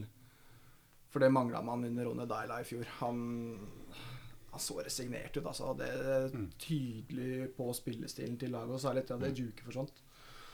Så hadde man ingenting. Uh, oppspillene bakfra var helt grusomme. Det var eh, ut i innkast eller opp på en egentlig spiss som ja, ikke fikk gjort noe som helst. De, eh, nå har jeg sett det med de treningskampene, og man vil mye mer med ballen nå enn man ville med Ronny Deila. Så kan man spørre seg at når det er litt sånn stor forandring i måten å spille på, eh, så krever jo det mye terping. Og når du får et sånn opphold som vi har hatt nå, hvor skadelig er det? Men samtidig så at man har gjort den ene signeringa med Oldrup Jensen, som da kommer inn og skal være hjernen i dette, som kjenner Fagermo sin fotball, det vil gjøre den prosessen mye kortere. Uh, og Aron Dønnum har sett fryktelig god ut i vinter. Altså, Han kommer til å bli en komet. Han har herja litt rundt uh, der sånn. Jeg tror uh, Ja, jeg tror Vålerenga kan tjene gode penger på han etter denne sesongen her. Ja, det kan nok Han er jo en profil som er Ja. på en måte lett å få penger for, tenker jeg. Han, eh, han er bra. Mm.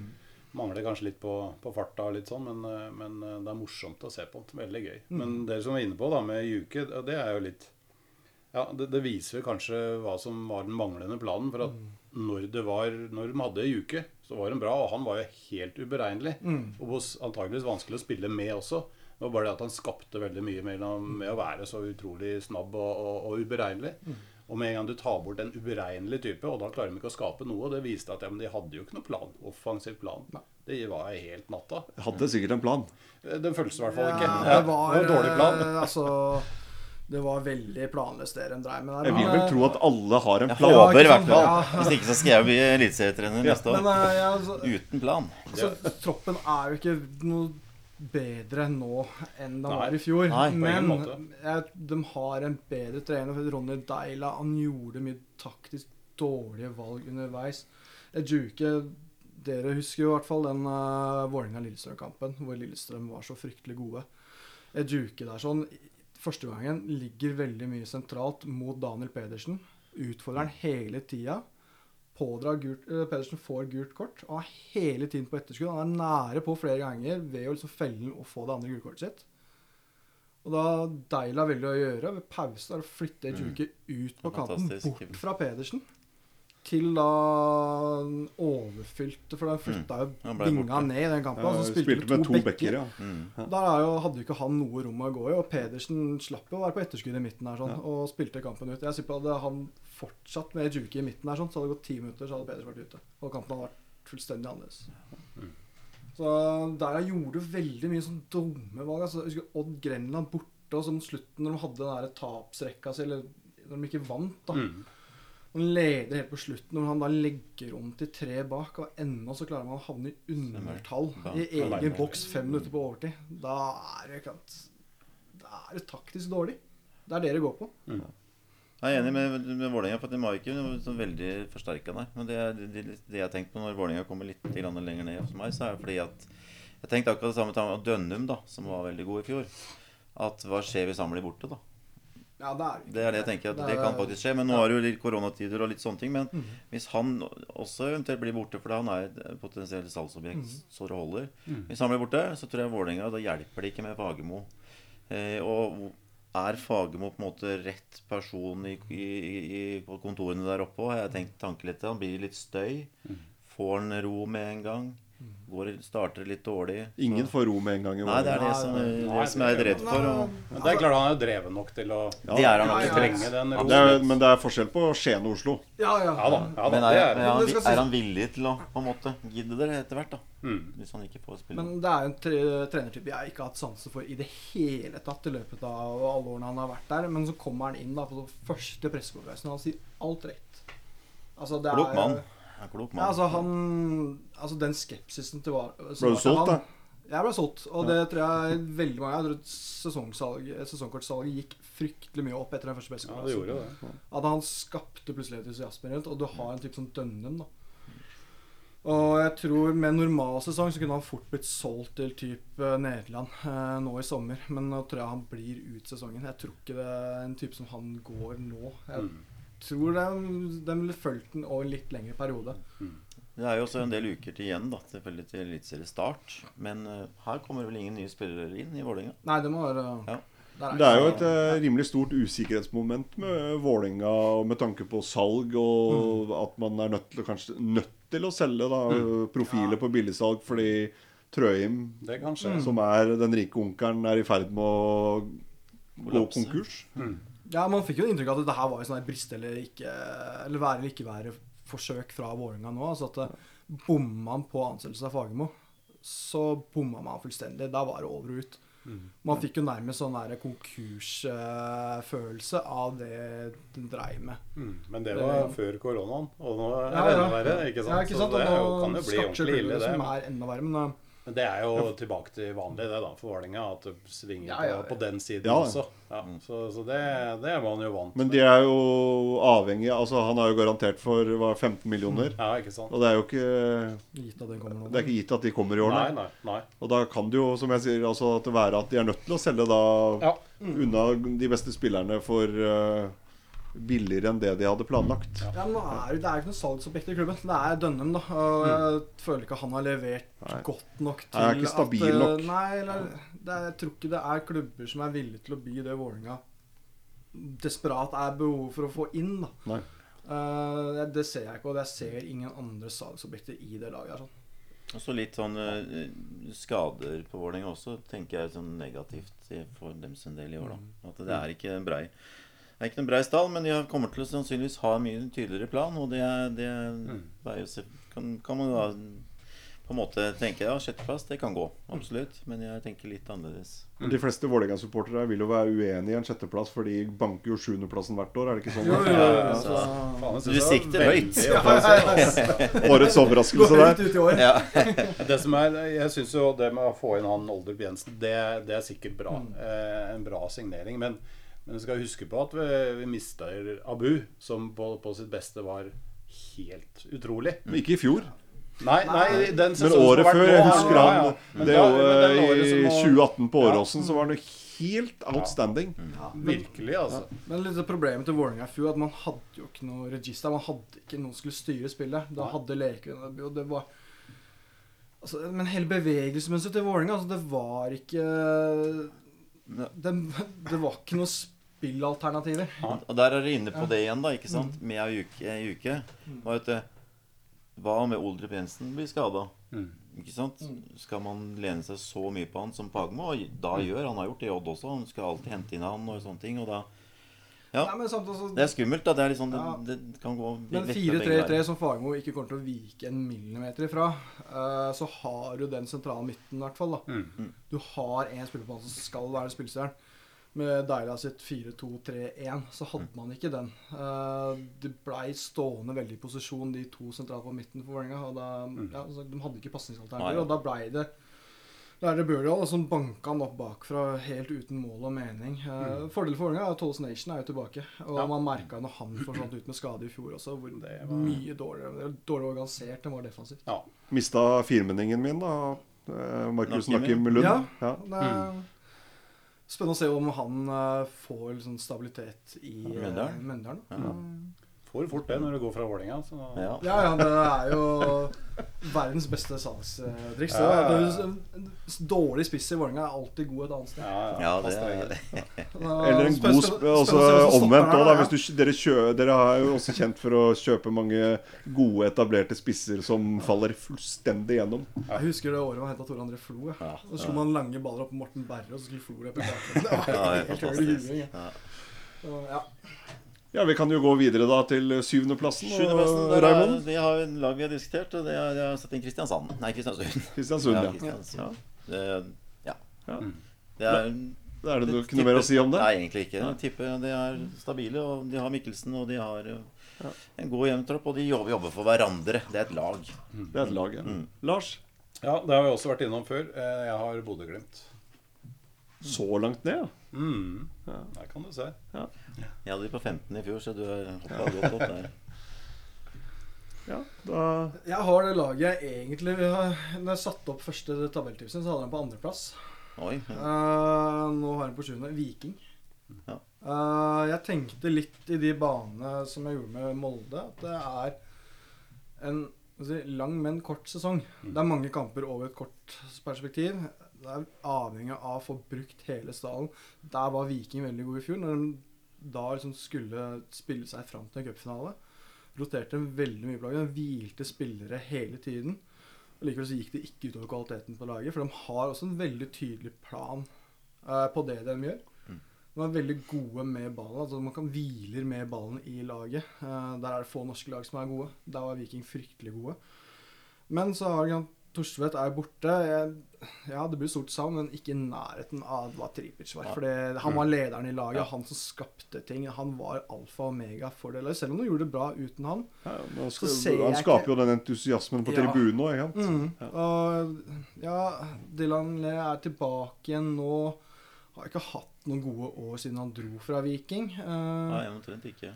Og liksom er mer reint kanttype. Berisha som kunne fylt en litt sånn type rolle. En sånn eksplosiv, uh, driftende type. Men han skal jo da inn som midtspiss. Det var litt derfor han ville tilbake igjen. Mm. Og lukter jo ikke store mål av det. Og så er det jo han derre Joe Bell da, som kommer fra New Zealand, som har fryktelig store forventninger til Ja. Og de har jo fulgt den over veldig lang tid. Mm. De har jo prøvd å hente den over et år nå, og fikk de endelig napp. Spennende å se hva han er god for.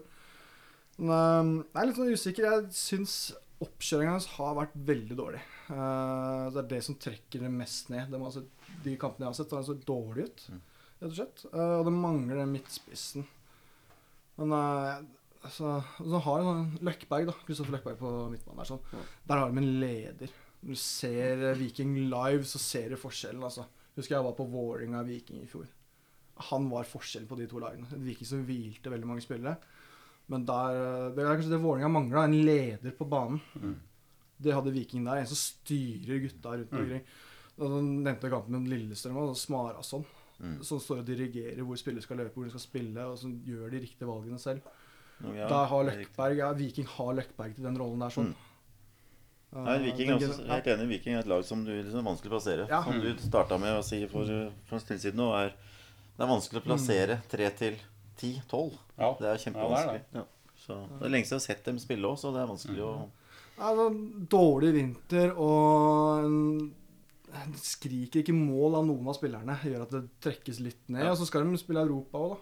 Ja. Det er, Når det kommer i gang. Da blir det enda større belastning. dessverre så er det alltid en sånn belastning for norsk Mm. fotball. Det er så utrolig trist. Mm, ja, Det er jo en kjempebonus. Men så får vi tilbake han Akselsson, han islendingen som uh, var i førstevalget blant midtstopperne i fjor. Og så to minutter ut i premieren ryker på en smell, og så er han ute resten av sesongen. Nå er han skal jo tilbake igjen nå, så man får litt bredde der, da. Skal vi gå til eh, plass nummer åtte, Lars? Ja, der har jeg et eh, lag som vi har prata om før. Kristiansund. Der kommer Kristiansund Ja, igjen. der kommer de, ja. ja. Mm. Da har vi alle satt eh, Kristiansund på kartet. Ja, det er deilig. Deilig Prøvde meg med Kristiansand, men det funka ikke. Det funka ikke. Ja. Ja, Raymond, din åtte? Åtte, det er Stabæk. Mm. Jeg tenker at eh, åttendeplass er på en måte nesten litt å overraske, jeg også. da at de, Så at jeg, åttende holdt for meg, da. Å ta de opp. Men eh, det blir spennende faktisk med Stabæk. altså. Jeg Ja. synes, eh, Ja, de har unge spillere. De har fylt på godt med spillere. Og, og Janne Jønsson. Så det blir sp- ja. Veldig spent på Torgeir Bjørman. Altså. ja, det er jeg også. Mm. Ja. Jeg ønsker han jo lykke til, da. Selvfølgelig. Ja. Han er jo i Rælingen og på Marikollen hele tiden. Han.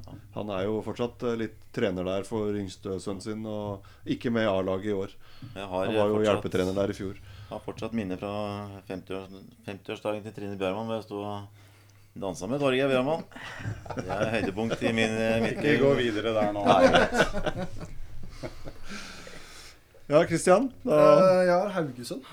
Der kommer Haugesund, ja. Ja. Jeg har savna Haugesund. Jeg, For jeg, jeg, og tenkte sånn, nå, nå sitter de to og så bare Å, faen, det var ett lag jeg glemte. Ja, ja. Ja, men det er jo det laget man alltid glemmer, da. Ja, Det ja, er akkurat det jeg skal, det nesten det jeg skal si alltid etterpå. Alltid så klarer de å karre seg til en øvre halvdel stabilt Ja, ja, de gjør det. eh, nok.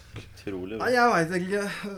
Det blir liksom magefølelse som bare Jeg måtte sette dem et sted. Um, Det tok litt tid for en forrige sesong uh, før hun kom i gang. Mm. Uh, man måtte legge om formasjonen. Uh, man mista jo dopingdom. Mm. Han kommer jo tilbake nå, så det blir jo som en nysignering. Mm.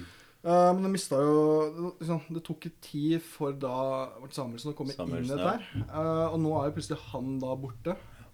Uh, Waji kommer tilbake. Man har ikke spilt fotball på et år. De har også slitt med å få han hjem fra Senegal. Og visumproblemer der sånn. Uh, de har henta Benjamin Kallemann fra Inter Turke. Han var på lån i Viking, ja. i fjor. Spilte bl.a. fra start i cupfinalen Mm. mot Haugesund. Mm. Uh, jeg syns han var en helt OK spiss, men jeg syns uh, Jeg burde kanskje putta Viking par hakk høyere opp på tabellen. Hadde de valgt å beholde han. For jeg syns han er bedre alternativ enn det man har nå, da. Uh, Ibrahim uh, Shuabi var i Kongsvinger og gjorde også en god sesong, eller halvsesong der sånn. Og Plutselig har man mye mer alternativer uh, på topp enn man hadde for ett år siden, hvor du kun hadde Samuelsen, som på det tidspunktet var egentlig en wing-type. Det eneste er at han Shuabi han gjør det bare bra i Kongsvinger. Ja, Det er det som er rart med han. Han, klarer ikke Haugesund, men kommer til Kongsvinger igjen på Uitland. Han har vært der før. Så bøtter han inn mål. Ja, ikke Kommer til Haugesund. Nå, Anonym. se nå tar han med seg den gode formen. Ja, da, nå, på det. nå har jo du spørsmål som altså, Vaji, Når er han i form igjen? Og, ja, så da tenker jeg at Når han brukte så lang tid på å sette laget i fjor, og så må du begynne på nytt igjen i år, så kan det ta litt tid før det setter seg. og også at man uh, mista jo også Sonde Tronstad. Jeg tror det er, Han vil bli veldig savna på det laget der. sånn. Det er Den arbeids... De meterne han la ned eh, for Haugesund i fjor, var viktig. Utrolig anonym spiller sånn en, Egentlig en jeg aldri har tenkt så mye på, men når, du, når han på en måte ble proff, da, Mm. så begynte du å tenke Han har faktisk levert hver gang. Du De får jo tilbake ligaens beste venstrefot, da. Som blei skada. Ja. Stølås. Eh, se hvordan det har tatt på kroppen hans. da. Han er jo ikke en unggutt. Uh, Tore Pedersen som kom inn der, eh, så var jeg syns han var god. Ja. Uh, selv om jeg vil si at de hadde ligas beste venstrefot, så fikk du da en venstreback med en veldig tydelig høyre bein. Men eh, de klarte å løse det på en fin måte, syns jeg. Men eh, Haugesund er ekstremt vanskelig å plassere. Ja, det var det. Det er de alltid. Så Det var det siste laget jeg plasserte, for der var det ledig. ja, ikke sant.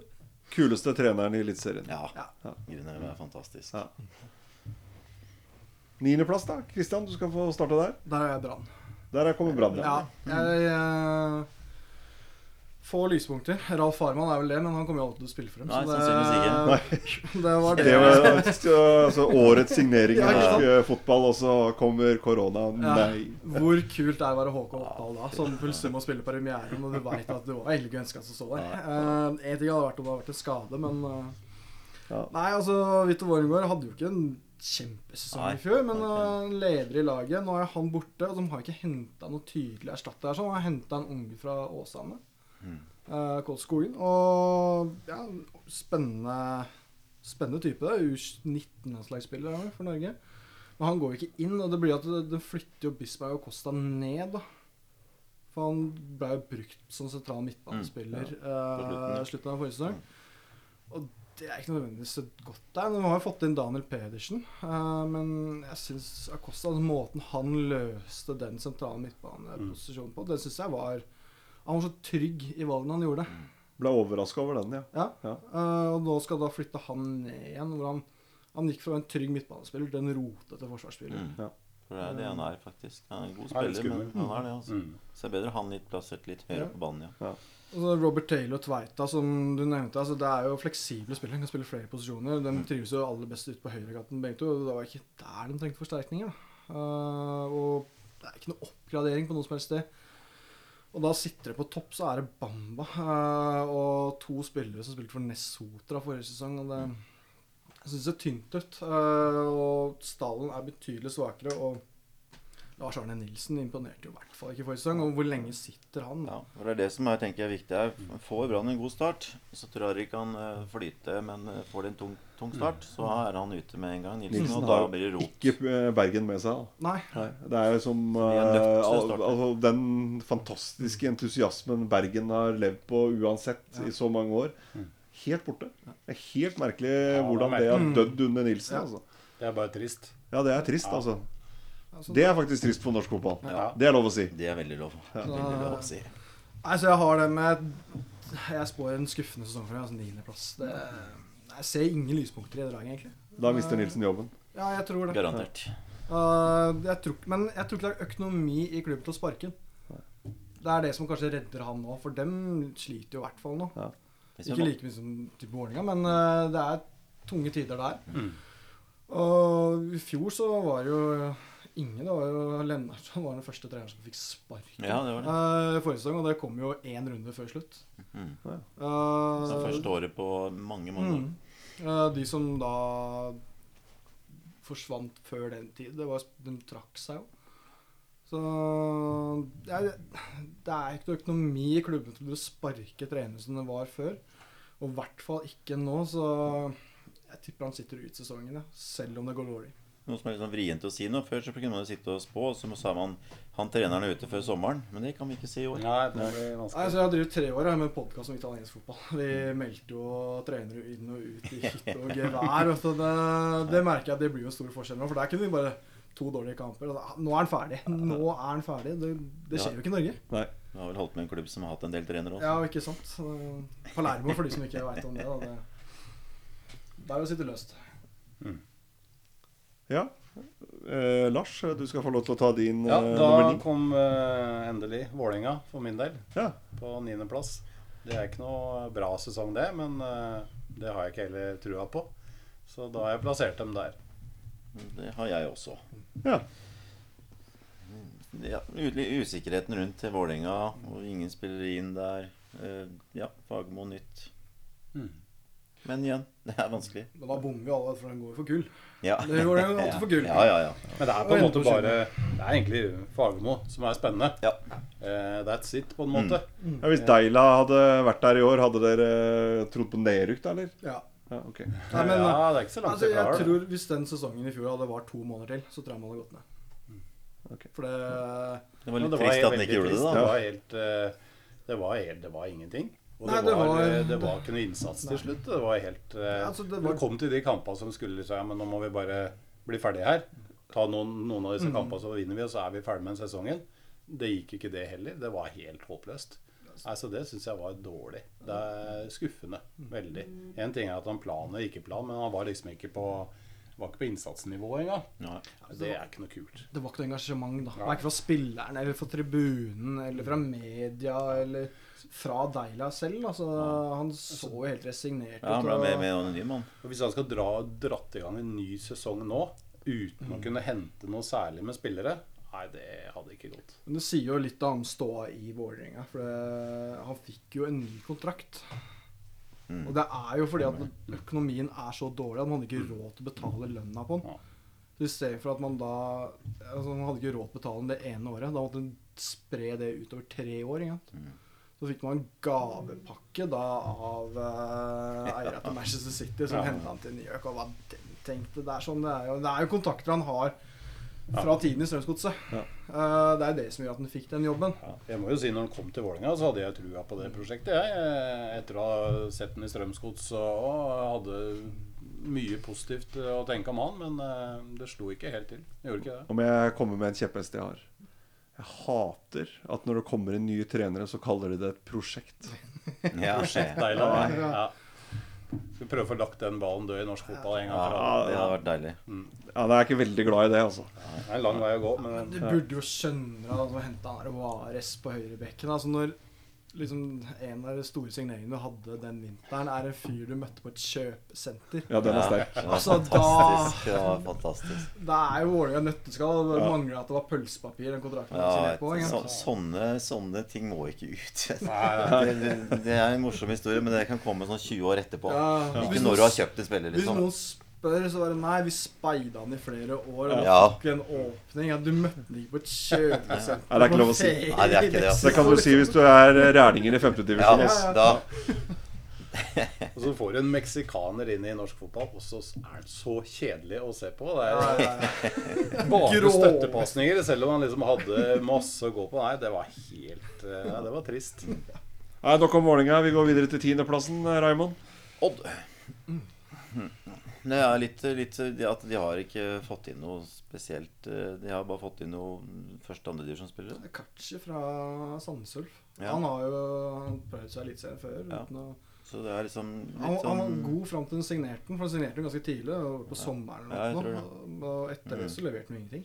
Redd for å bli skada som alle andre. Kommer til å savne Jone Samuelsen. Ja. Ja. Jeg uh, gjør også det, for jeg syns det er en uh, fin spillertype. Ja, stilig type. Ja. Eh, Så Ja, nei, men Odd eh, det har vi jo diskutert, så det Han har jo en verdensrekord, men det vet dere jo alle, Ja. selvfølgelig. Mm. Ja. fantastisk heading. Ja. Tiendeplass, eh, Christian. Godset. Strømsgodset. Mm. Dem har jeg på tiendeplass. Og det er litt sånn Det er potensial der eh, til å komme høyere opp. Eh, men det er manko på bredde også som gjør at jeg tror de kommer til å havne der mye. Litt økonomi der også. Ja, men jeg syns uh, Altså, fra Pedersen kom inn i fjor Du så en så tydelig progresjon i laget fra kamp til kamp. Og jeg så jo også noen av de kampene live. Jeg så dem mot Sarpsborg og så så jeg mot Lillestrøm. og det var så tydelig forandring, og så fikk man liksom én etter én spiller inn som skulle passe hans måte å spille på. Uh, så jeg mener det er en maks av det. Men de er litt avhengige, for da har vi jo uh, Ipalibo og Chamba. uh, to av de lånespillerne man henta i fjor. Altså Chamba midtstopper fra Strasbourg og så og fra Villarreal, sentral midtbanespiller. Man har opsjon på det, men pga. koronakrisa så spørs det om de har råd til å hente dem. Og det er ganske rimelig opsjon de har på dem også. Og hvis de forsvinner, så er det nøkkelspillere uh, for at det skal fungere. Og det sier seg selv at da har de ikke økonomi til å hente andre spillere heller. Nei. Eh, når du da ikke har noe særlig bredde til og liksom, Det er ikke noe annet å hente fra i laget fra før, da. Nei. Eh, så er man veldig sårbar. Og man uh, William Myhrar skal jo stå Mm. nok en gang, og det, han har jo ennå til gode å vise noe Mm. positivt. og Sånn. Men uh, fordelen av at de har uh, Moses Mava og Lars Jørgen Salvesen er en duo på topp som det, jeg er fryktelig glad i. da De utfyller hverandre fryktelig bra. Jeg synes Salvesen er en av de mest undervurderte spillerne vi har. i Tidenes bytte, da. I norsk fotball. Ja. Ja. Moss mot Salvesen der. Husker jeg satt og så på Moss mot Lillestrøm, og det var Du så på løpet hans, og det, det er ikke noe gnist i han. Han har ikke den der instinktet til å bøtte inn mål. Han hadde den ene gode sesongen i Tromsø. Ja. Du ser det bare på måten han løper at det er ikke 20 mål. Han har ikke den der killer-instinktet til å Sammenlignet med sånn type Mario Icardi. da Du ser løpsstilen hans. Det er noe helt annet. Mos, Annet enn mot Lillestrøm, da. Hadde han spilt med Lillestrøm hver gang, så hadde han bøtta inn 20 mål. jeg. ja, men kom på Skårer jo én, to, tre mål hver gang. Ja, ja, men jeg hadde et, et eksempel da, var eh, litt andre gangen så kommer Godset på en kontra. Jeg er to mot to.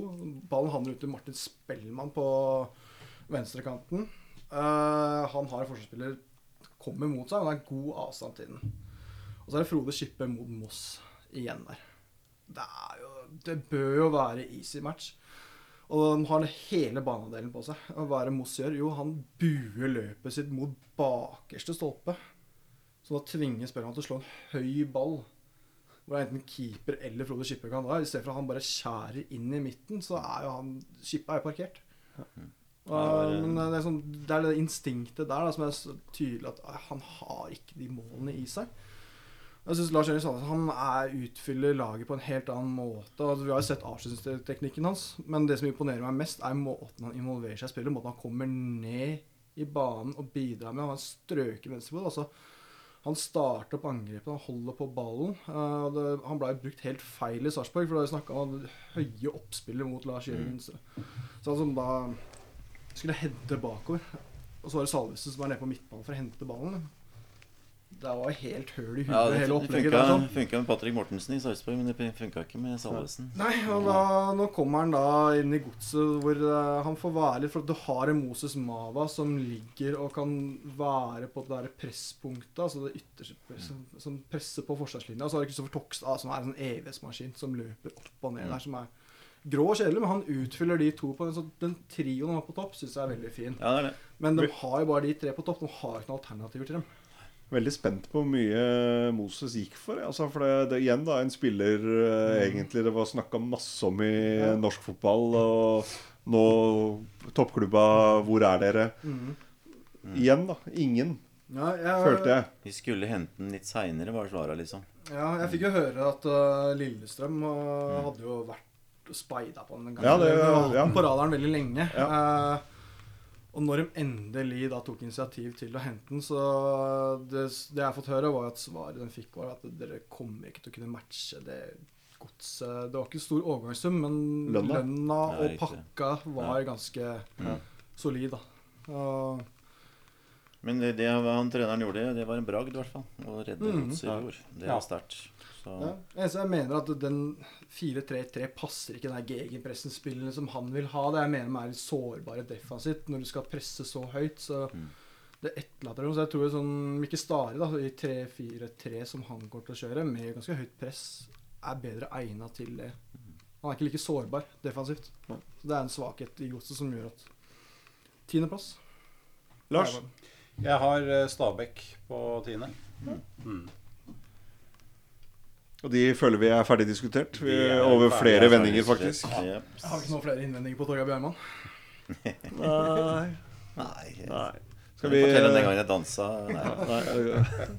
Ellevteplass da, Raymond. Det er Haugesund, og det var eh, helt håpløst å plassere. Vi har jo diskutert Haugesund også, men det er utrolig vanskelig. De kan havne fra alt fra 5 til 14. Mm.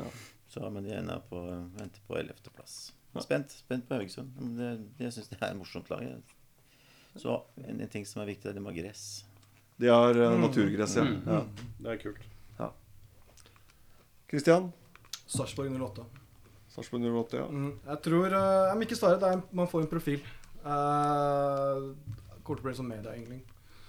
Uh, han har jo et av sine forutsetninger at det er jo alltid bra alltid moro, men moro er ikke alltid bra. Ja, Det hadde han da han var i AIK. Han fikk liksom litt kritikk for at han spilte en sånn kjedelig spillestil. Det var svaret han kom med. Og det, det er jo mannen, altså når han var ferdig i AIK, så gikk han jo rett til TV. Uh, så det, vi får en profil inn der sånn. Men det er en stor omveltning uh, fra Geir Bakke sin Mm.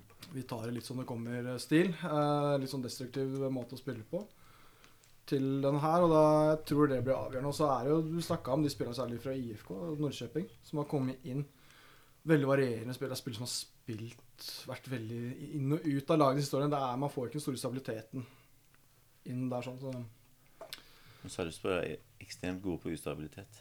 Det er stor omveltning for han i forhold til å være, komme fra en stor, stor klubb Ja, ja, ja. eh, som AIK er, da, og komme til den eh, hva skal jeg si, eh, Lego-oppsatte stadion de har i? Sarpsborg der òg. Hvor kan, hva skal jeg si, den fankulturen ikke er i nærheten av det han er vant med. Altså, men uh, fordel for det, det er jo alt mye Det er folk på tribunene. der. Er jo engasjement rundt klubben. Uh, så det kommer jo, Den kommer jo å se på hele tiden. Selv om jeg husker jeg var her en gang i fjor, og da satt jeg bak en stolpe. Så jeg så ikke det ene målet på min venstre side. Jeg ble jo Så nei, det er En del av sjarmen, det. Ja, ja. ja, ja. Det må du tåle. Nei, sånn, det, da støtter jeg at det er en legobygg når man har satt opp der sånn. Det er, det er fire tribuner som ikke passer sammen i det Ja, hele tatt. ja, det er Det er også litt sjarm, da. Ja, det Men jeg er spent på Suleiman Boyang. Jeg har spilt en del for dem på høyre vingbekken. Hmm. Eh, I oppkjøringa var det Kongsvinger i fjor. Eh, Jeg tror han får et gjennombrudd. Eh, Norsk Gambia. En av flere nordmenn som har spilt på Gambia det siste året, faktisk. De har, det er fire-fem nordmenn som har vært innom landslaget der det siste året. Så jeg tror, eh, Der tror jeg vi får et lite gjennombrudd i år. Ja. Han spiller seg opp for. Lars? Ja, da er jeg på Sarpsborg også. Ja. Så ja, det, det, jeg tror det blir en vanskelig sesong. Eh, det, det kan slå begge veier med ny trener, og det kan bli en sånn Nordling-historie. Eller det kan eh, Nå går de ikke ut så høyt som det Brann gjorde i sin Nei. tid, men eh, det, er, det er litt vanskelig. Det er vanskelig å spå. Eh, ja, jeg håper i hvert fall de klarer seg. Jeg syns det er litt eh, frisk pust. Eh, så Og jeg tror på det også. Skal du få lov til å ta tolvteplassen nå, Lars? Jeg går rett på tolvteplassen. Ja. Ja, da går jeg for uh, Godset. Du, du bestemte deg for det nå, eller? Nei da, nei, nei da. Du, du har gjort research? Ja, ja, ja. ja, ja. ja nei, jeg tror, jeg tror Godset det, det ble en veldig tøff sesong. De har veldig mye spillere inn og ut, og det er mye som skjer der. Eh, Sikkert bra etter den forferdelige sesongen de hadde i fjor. eh, Som, som var langt under paret. eh, Men jeg tror ikke det blir veldig bra i år heller. Men forhåpentligvis så klarer de seg også. Hvis det hadde vært dumt om de også hadde rykka ned. Eh, Jeg syns jo Drammen skal ha et lag. Absolutt. Eh, Så, så eh, ja, eh, jeg håper de klarer seg, men jeg tror det blir en veldig tøff sesong for dem. Veldig mye bytter, veldig mye som har skjedd.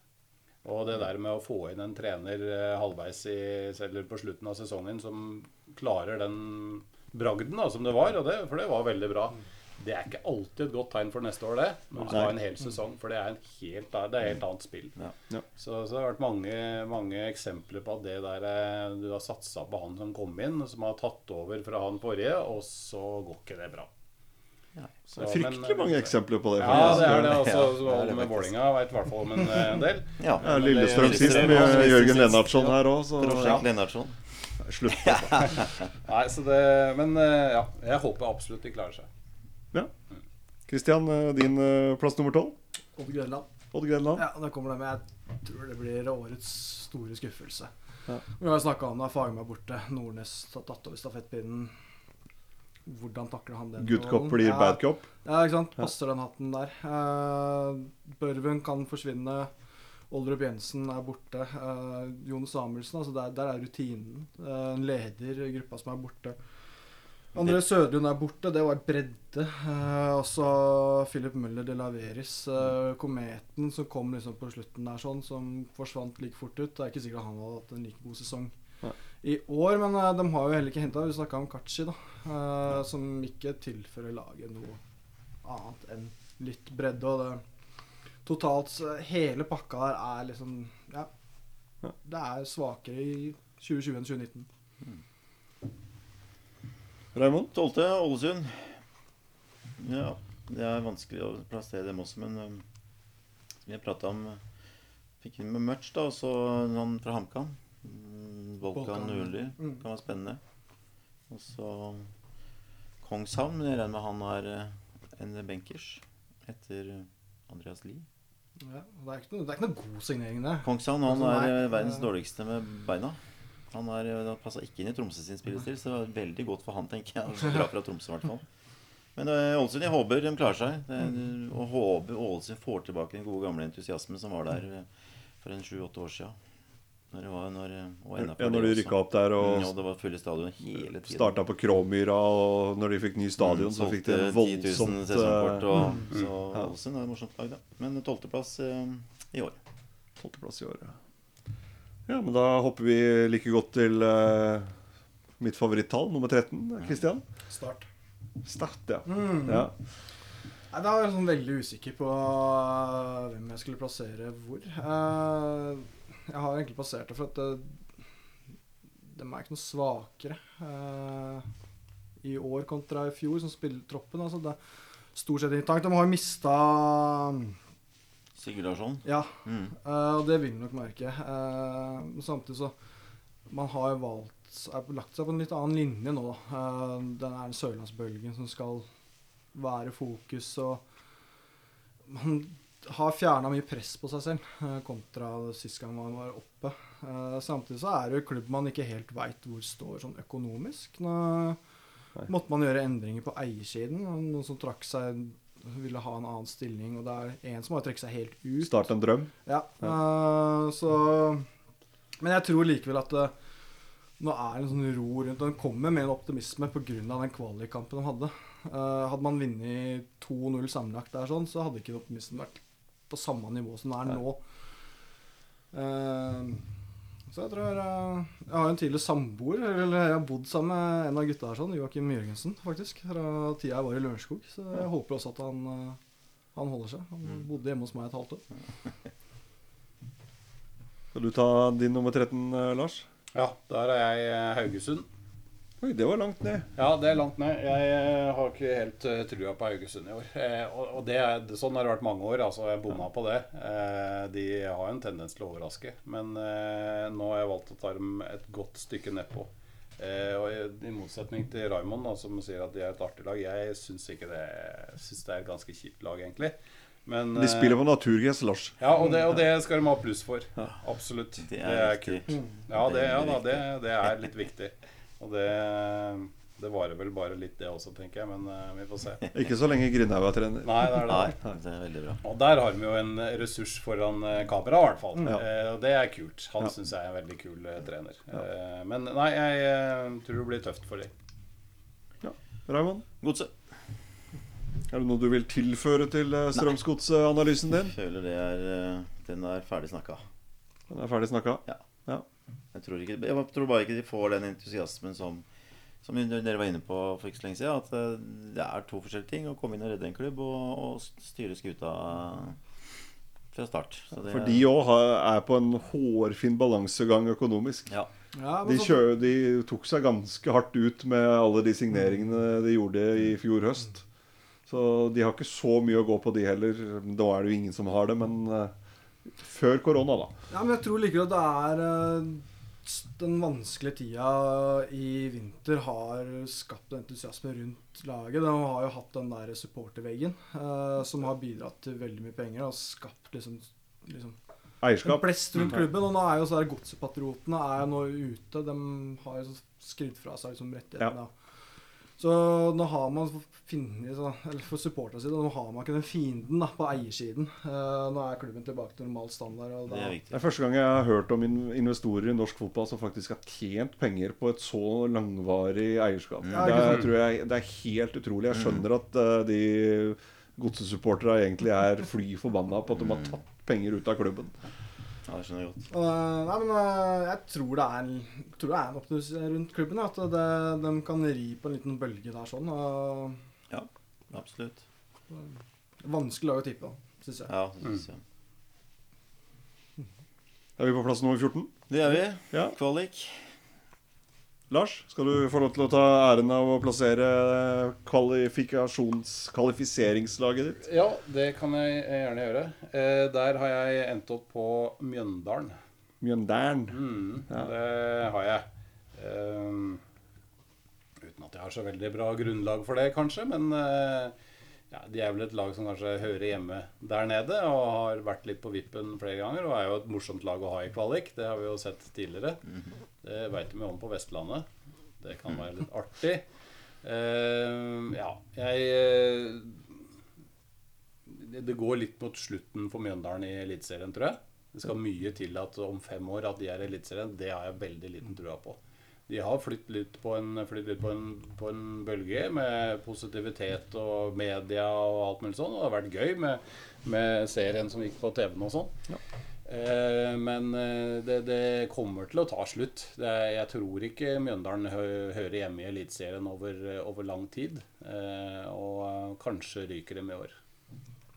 De har jo gjort draktene sine så fine som de kan få i år også. Det har blitt fryktelig fine drakter de har designa seg til eh, sesongen i år. Og det ja, det ble jeg overraska over, at de har faktisk fått de brune draktene til å bli så kule som det de har gjort i år. Men det er liksom det er Mjøndalen og Strømmen synes jeg er liksom to av de fineste draktene i norsk fotball. Det er, liksom, det er grått og brunt. Ja, det, det er trist. det er godt gjort. Det, det er noen i klubben der som gjør noe riktig, i hvert fall. Ja.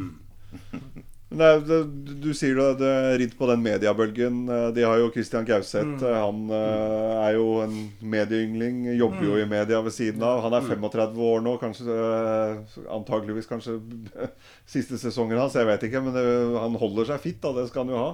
Men det må jo være sånn super sånn elsk, eller sånn fryktelig sånn elsk-hat-forhold til eh, han eh, i kontorene her. sånn. Jeg husker det var før ene kampen, var mot Viking, hvor han smalt litt med leppa.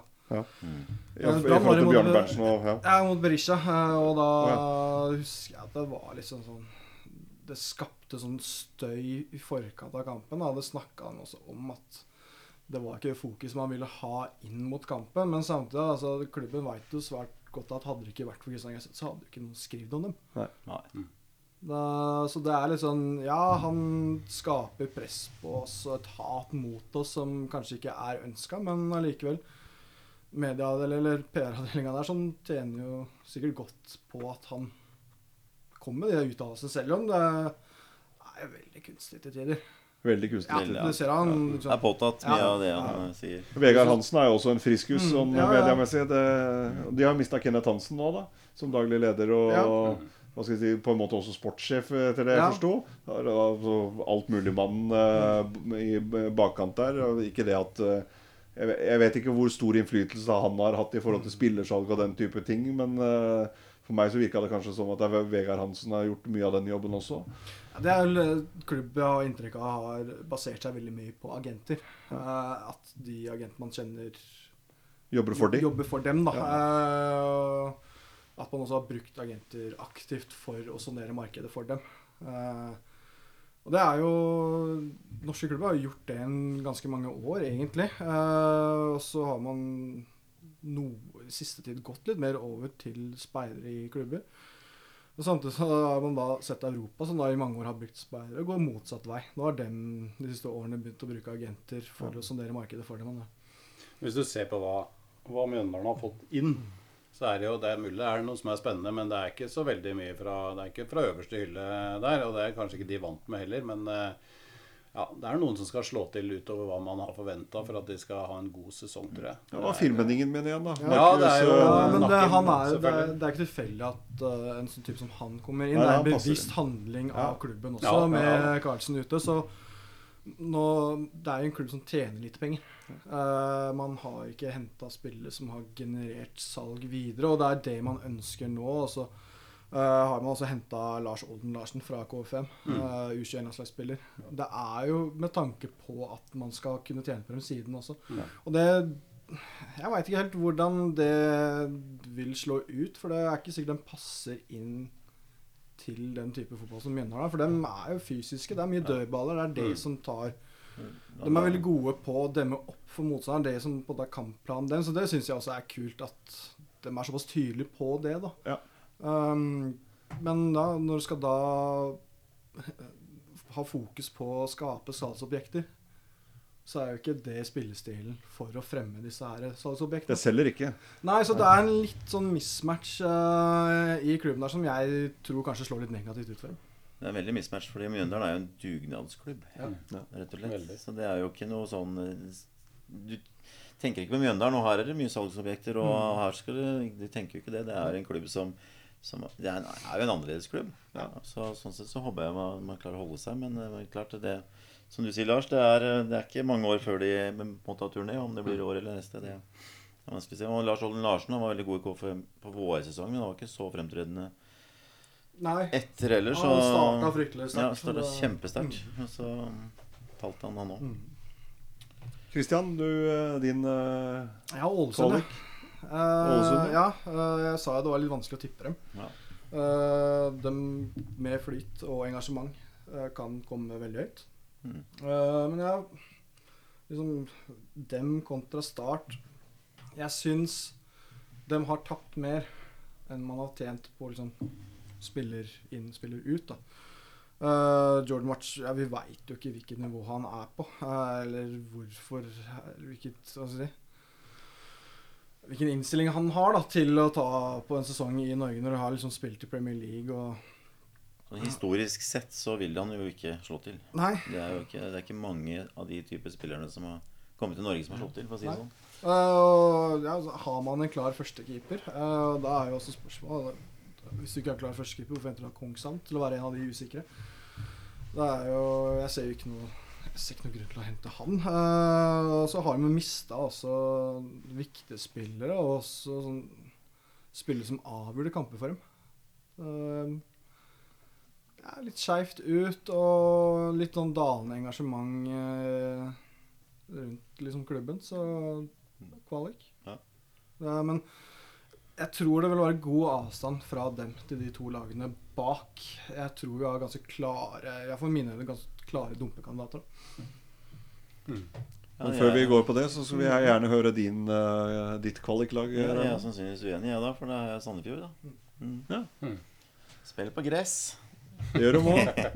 Da får de en plass opp Nei, men jeg, nå, nå, nå husker ikke jeg helt navnet på han treneren igjen. Det datt ut nå når jeg skulle prate om Sandefjord. Men, men han var jo oppe mm, eh, for to år siden. Og da spilte de en fin fotball. De har jo ikke noe forsterka seg noe særlig. Brenden fra Lillestrøm har ikke noe så spesielt forsterkning. Fått i drakt nummer ti, 10, har han ikke det? Ja. Og så en Eduardo som jeg ikke helt vet hvem har. Mista Engblom, da. Han har jo skåret litt mål. Mm. Ikke i Eliteserien, men i Obos-ligaen. Men jeg tenker at Sandefjord og, og, og han eh, Å, jeg glemmer navnet hele tida. Han som, eh, som eh, var god på slutten, eh, han spanjolen. Rufo. Rufo, ja. Mm. At han eh, passer litt med Eliteserien i Obos. Så. så jeg tror Sandefjord Sandefjord klarer å Jeg mener at det er tre lag da som, er, som kommer til å skille seg ut der nede. Og Sandefjord er det, det, det minst dårlige av det, da. Mm. Det blir litt spennende å følge med på de tre bunnlagene. Ja, Da er jeg spent, Lars. Du skal få lov til å komme med det første direkte nedrykklaget. Plass nummer 15 i Eliteserien 2020. Ja, der har jeg start. Ehm, de rykka jo opp med et nødskrik. Jeg vet ikke hvor mye tid vi skal bruke på Null. Ok, sånn. Nei. Men, eh, men eh, og, og har på en måte etter det ikke forsterka så mye, sånn jeg kan se det i hvert fall. Eh, vanskelig å ha noen særlig eh, trua på det.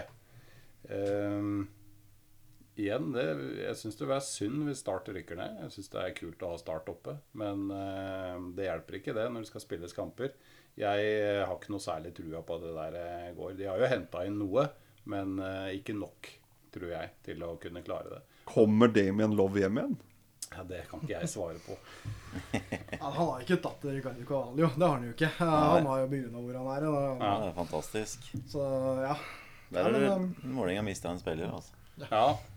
Jeg vet ikke om de har mista en som er veldig god, altså, men en morsom spiller. Da. Ja. Mm. Men han var jo en løs kanon. Men nå var det start. Ja. Nei, så det har jeg ikke helt trua på, det greiene der. Det, jeg tror eh, de ryker, og det er det vel flere med meg som tror. Så det kan vi sikkert underbygge både her og der. Ja, Christian? Ja, Sandefjord er på 15.-plass. Ja. Uh, nei, det Hva skal jeg si Det er Stalen Stallen er svakere nå enn i fjor. Engblom er borte. Ja, han har ikke gjort det noe særlig i, uh, i Eliteserien, men uh, han garantist for mål. Han er kynisk foran mål. Uh, I forrige sesong, og også tidligere i Obos også. Men der har man ikke henta inn. Det er Sivert Gusias da, fra Molde, som var strømmen i fjor. Ålreit uh, spiller, det, men uh, jeg tror ikke han tar Eliteserien med storm. Uh, Martin Sifuentes, treneren der, sånn, har jo vært og krangla med klubben. Uh, vært, Vært mye grinete. media ja, der, altså. Vært litt sånn grinte. Man har jo også, før koronagreiene starta, så var man så tydelig på at man måtte kutte i budsjettet. Man har mye lavere budsjett nå enn man hadde i Obos i fjor. Mm. Uh, og det Nøkkelsbra. Altså Ofkir er borte. Engblom altså Han mista rutina. Altså Håvard Storbekk. Eirik Mjelde er borte. Uh, Sed Vardo som har kommet inn, han har en fin CV. Han har spilt Serie A blant annet for uh, Parma. Han har ikke spilt fotball på over et år. uh, så hvilket nivå er han på? Det Kristoffer Normann Hansen er en spiller som han har, liksom, han har ferdigheter. Han er god én mot én. Han kan liksom Han har en X-faktor. eh, kan liksom skape noe der, sånn. Men dårlig sesong for Ullkista forrige sesong. Uh, God 2018, Brenden, ja, ja. Mm. Brenden, det er jo, lukter jo ikke krutt av det de har henta inn. Da blir det saltoinnkast og ball med snø på. Det er det jeg forbinder med Brenden. Ja. ja. Sorry, Ja, ass. ja. Er nei, jeg tror Som jeg sa, at det er to klare dumpekandidater. Grunnen til at jeg ikke har Sandefjord nederst, er pga. at de har en god trener, og de har en klar måte å spille på. Da. Dem vil ikke vike så veldig mye på hvordan dem vil fremstå ut fra motstanderen. Det vil, det vil de så klart gjøre, men dem vil ønske å styre kampen uansett hvem de møter. Mm. Og spille på sin måte. Ja, Så og det, og det det- gjorde de da. Som Tromsø. Mm. Naivt som Tromsø, altså. Mm. Ja, men uh, Ja, nei, Tromsø var naivt, altså. Det var det. Uh, men uh, jeg- holder uh, Suventes høyere enn Simo Valakari. Ja, okay. ja. Ja. Raymond? Mjøndalen. Mjøndalen? 15. plass. Ja. eh, Som dere prata om i stad, ikke fått inn noe særlig de gjelder. Og ja, det blir, det blir spennende. Det det, det er inni meg så håper jeg litt at de holder seg, ja da. Men jeg, Du er litt glad i Mjøndalen? Jeg er litt glad i Mjøndalen. De spiller på kunstgress, da. Ja, det er negativt. Så kanskje derfor jeg satte Sandefjord på 14 Ja. over Mjøndalen. kunstgress og byggeplass, det er liksom Mm, så, nei, men eh, Mjøndalen, eh, ja, det, det kan gå alle veier der nede. Det, det står mellom 14., 15. og 16. plass. Men eh, jeg tror det ryker i år allerede. Kristian, skal du få lov til å starte den uh, Dumpe den aller uh, all jumboen. jumboplassen? Ja, der har jeg Mjøndalen. Jeg veit liksom Vi snakka om det var en dugnadsklubb, og det Jeg veit ikke helt. altså Når treneren din eier en leilighet på stadion, Det er, da veit han ja. Det er breddeklubb, det. Ja, altså, han Ja. sittet der i hvor mange tiår? Uh, altså, han kommer jo ikke til å forsvinne uansett hvordan det går. Eh, Ja, Du kan jo ikke sparke treneren som har eh, leilighet på stadion. nei, det gjør ikke eh, eller som gjør alle mulige roller i klubben nå. Ja. Eh, så han steker vaflene før kampen og klipper kunstgress Eller vanner kunstgresset i pausen og styrer laget underveis i kampen. Altså Men ja, Det er jo ikke god klubbdrift for et elitelag. Nei. Det er de siste idealister i Eliteserien, da. Nei, altså Det er en god klubbdrift for en breddeklubb, og det er det jeg ser på Mjøndalen som, da. Uh, nei, jeg tror, tror breddeklubbens tid i Eliteserien er over. Dessverre. For dems del. da. Ja.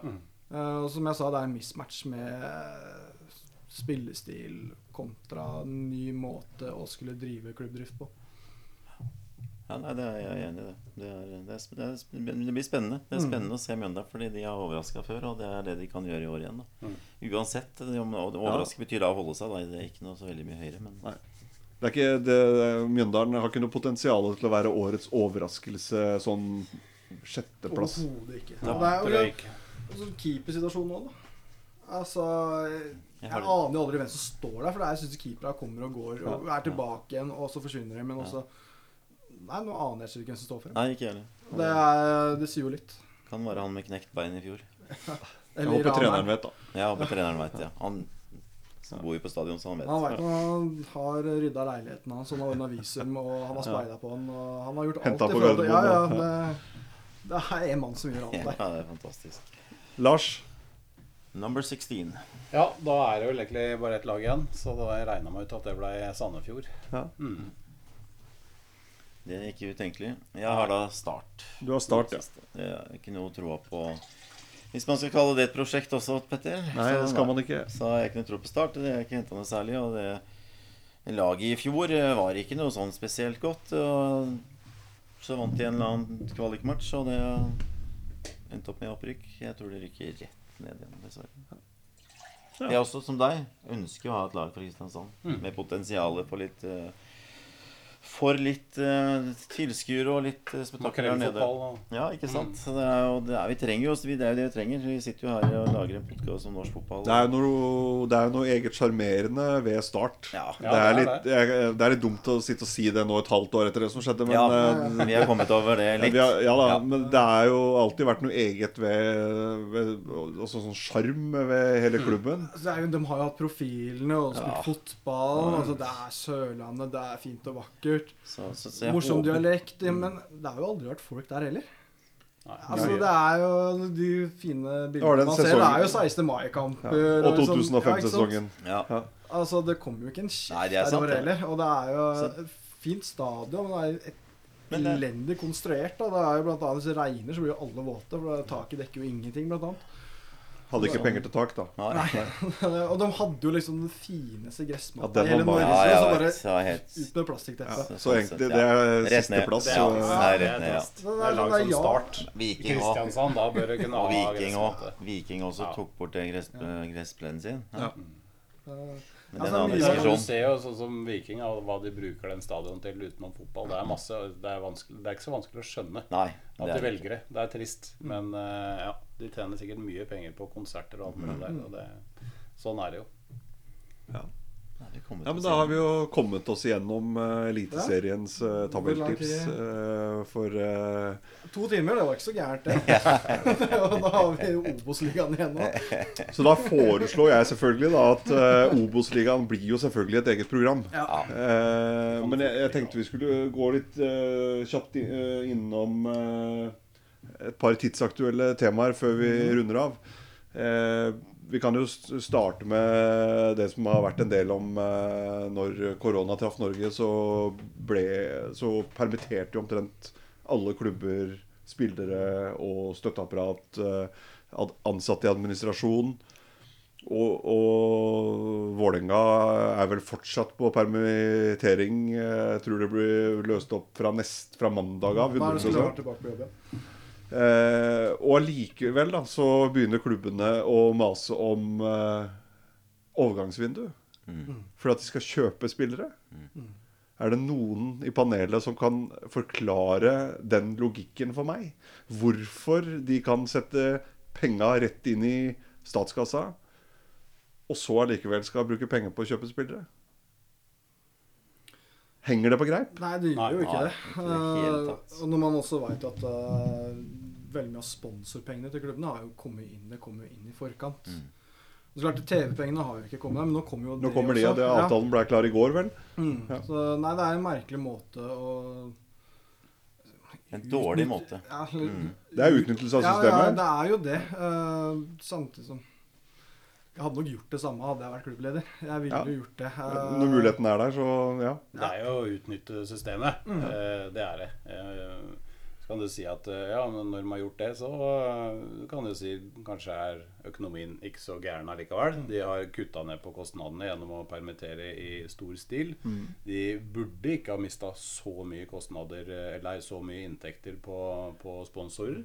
For det som du sier, det burde ha vært mye på plass allerede. Eh, Så kan jeg si at Det kan jo hende at noen av de har vært nødt til å trekke seg uansett, så de kan miste noe der. Eh, Men det er en litt sånn skeiv greie alt sammen. Det, jeg syns ikke det har blitt så bra. Eh, De står ikke så godt igjen med, med så rakrygga igjen med, med hvordan de har handla det der. Nå har jo nesten alle gjort akkurat det samme. LSK er vel et unntak i så måte i Obos. ja. Og Ranheim. Ja, riktig. Men Ranheim så er jo Deltidsspillere. Ja, ikke Ja, sant? Så det det, det, var ikke store kostnader. Mm. det, det, argumentet til Lillestrøm da var jo at uh, Fordi se, når alle tok ut spillerne i permisjon, så var jo ikke hva skal jeg si, eh, planlagt seriestart ennå kommet. Nei. Eh, Så de sa jo at vi går jo ikke glipp av noen inntekter ennå. Det er jo ikke noe inntektsfrafall for klubbene. Eh, Spillerne kan fortsette Vi kan lage egentreningsprogram til dem, og de kan trene. Vi kan ikke forvente at de trener eh, fem til seks dager i uka hvis vi permitterer de 100% eller 75 som eh, noen Altså, dere, altså Vålerenga permitterer da spilleren sin 75% og forventer likevel fem dager i uka trening. Fordi en full arbeidsdag for en fotballspiller er åtte timer, og da kan han trene ja. Altså Der må jeg jo si at Fagermo gikk på en liten blemme i media. Ja. Jeg, jeg er jo stolt av øh, ja, Bodø-Glimt har vel heller ikke permittert? Som, Nei, jeg tror ikke det. er det. De klubbene som står i det, som hva skal jeg si, ikke tar penga ut av statskassa. Det, jeg, jeg, det, men jeg blir provosert når de begynner å mase om overgangsvindu. Det er det som provoserer meg. Hadde det vært ligget, så hadde jeg så ok. Men når de allikevel skal ut og bruke penger på å kjøpe spillere, den eh, klarer jeg ikke å henge helt med på. Ja, men vi veit jo det at spillet har jo trent på en eller annen måte. Uh, Ja, det ligger jo- ja, du, er, du er en heltidsproff, så du, man må jo det. Uh, Ja. Men jeg er spent på hva, hvordan har de trent, hva har de trent på, da? Uh, altså, for Du hører ofte sett reportasjer, så har spillere vært på joggetur. Ja. Hvor mange har drevet taktisk trening? da? Å sitte med analyse, hvor mye har de fått sånn impuls der? sånn, og jeg hørte et intervju med treneren til FC Nord-Sjælland uh, når dette her starta, og snakka om hvordan de håndterte liksom, den situasjonen her. Og han så på det der som en test da, for å vite liksom, hvilken mentalitet hadde spillerne. Hvem hadde disiplin til å gjennomføre alt det her. Altså, altså, vi blir kjent på spillerne på en helt annen måte. Altså, la han også fram en plan at ja, spillerne får sånn individuelle treningsprogrammer. Altså, går Ja. på fysiske, men også det mentale, også det taktiske. Altså alt det, da. Og det lurer jeg på Hvilken stor grad driver norske klubber på den måten der, da? Lillestrøm vet jeg har gjort det. De har trent eh, hva skal jeg si, på det taktiske og gitt i videoer og Mhm. hjemmeoppgaver i forhold til analyse og, og på sine roller eh, på banen. Ja. Hvor de skal komme med sine refleksjoner ut fra eh, sin egen si, styrke og begrensning i forhold til det. Og så får de eksempler på eh, kanskje altså bedre lag og hvordan de selv kan løse det. da Eh, hvordan andre klubber har gjort det, det vet jeg ikke. Det er sikkert noen som bare har lagd et sånt eh, fysisk trening treningsprogram. Eh, kjøre intervaller, eh, triks til 100 og ta noe ja. trappeløp. ikke sant? Så det kan jo hende med andre ord at etter denne koronaperioden så får vi litt sånn, litt sånn spillere som Tilbake med 90-tallet. Best uten ball. Nei, Mange, Ja, vi får masse Ja. Øyvind Leonardsen der. Det, det det, det er jo et poeng det der med å, å bruke tid på det taktiske og sånn. Men, men det er klart, øh, det virker som det første de tenkte på idet det det skjedde, var økonomi. Og det er forståelig. Ja. Eh, Det er klubbdrift, og da er det viktig å Det er det viktigste. Ja. Ja. Så da velger de det. Og det er klart, eh, skulle de brukt mye tid på taktisk, så har de ikke anledning til å permittere. Man permitterer med halvveis osv. En del sånne løsninger. Men det ville kosta de ganske mye penger, da. Eh, For det, du kan si ja, men de kan jo holde på med noe, noe taktisk prat et par timer om dagen uansett, hvis de hadde orka det. Men, men det er brudd. Det har du ikke anledning til å gjøre så lenge de er permittert. Og når de velger da å permittere, så må de jo stå i det og ikke la de på en måte trene, da. Eh, så det, det er et valg. Men så er det jo det der med Nå vet jeg ikke hvordan det gjøres i alle de andre europeiske ligaene, eller de som er kanskje naturlig å sammenligne norske med, i forhold til hvilke kompensasjonspakker de får. Men hvis du ser forholdet forhold til Sverige og Danmark og sånne land, så tipper jeg at eh, Eliteserien står bedre rusta, de klubbene, enn eh, de eh, svenske og de danske. Tipper at de har bedre kompensasjonspakker, uten at jeg veit det, det må jeg, det må jeg si. Og dermed så kan det hende at den, det overgangsvinduet er litt interessant, da. For at de eh, står ikke så gærent i det. Det er kanskje mange svenske og danske klubber som står på den måten at de er nødt til å selge unna spillere på billigsalg. Og at eh, et Volde som jeg snakka om, et Rosenborg som alltid har en grei økonomi, kanskje en del andre klubber også kan melde seg på og har lyst til å hente inn noen spillere der. Da. Så kan det, det føles, det føles skeivt. Føles urettferdig, men det kan godt hende at det er sånn det blir. Det er få klubber og for allsvenska som har permittert i den tida her. De fleste klubbene har liksom beholdt spillerne. Ikke sant? Ja, ja, Der har det jo ikke vært noen restriksjoner heller, så de har jo jo hatt kontakt, er, kontakt, eh, ja. kontaktfotball. Så ja. Men, men eh, Og der har jo også klubber, da, men liksom sterkere klubbøkonomi. Men den henter litt fra andre markeder òg. tenker jeg sånn som eh, IFK har jo nå fokus på å få hjem gamle spillere, eh, så det vil jo ikke påvirke det norske markedet sånn sett. Malmö henter mye fra Danmark den veien der, så jeg veit egentlig ikke hvordan styrkeforholdene der blir. Eh, men det er spennende å se hvordan de forskjellige spillerne takler dette her Og Carlo Holse, som eh, Rosenborg henta fra SC København, har vært veldig åpen på at han har slitt under den perioden her. Han kom til klubben, og så liksom Mm. stua inn på et hotell, og så blir det da Lockdown. shutdown fullstendig. Du er helt uten nettverk. Mm. Helt uten aktivitet. Eh, og I tillegg så sleit jo han med sykdom i familien hjemme, så han har hatt det veldig tungt. Og det er ikke bare bare for han å skulle komme tilbake og så Ja, nå er det full kontakttrening igjen. Sette i gang spill. Uh, han vil nok trenge en prosess på å komme seg mentalt. Så sånne ting vil også ha en del påvirkning på Mye, nye spillere, blant annet. Og Haugesund, da, som da valgte å ikke permittere to spillere uh, i frykt for at det skulle Mhm. snappe opp andre steder.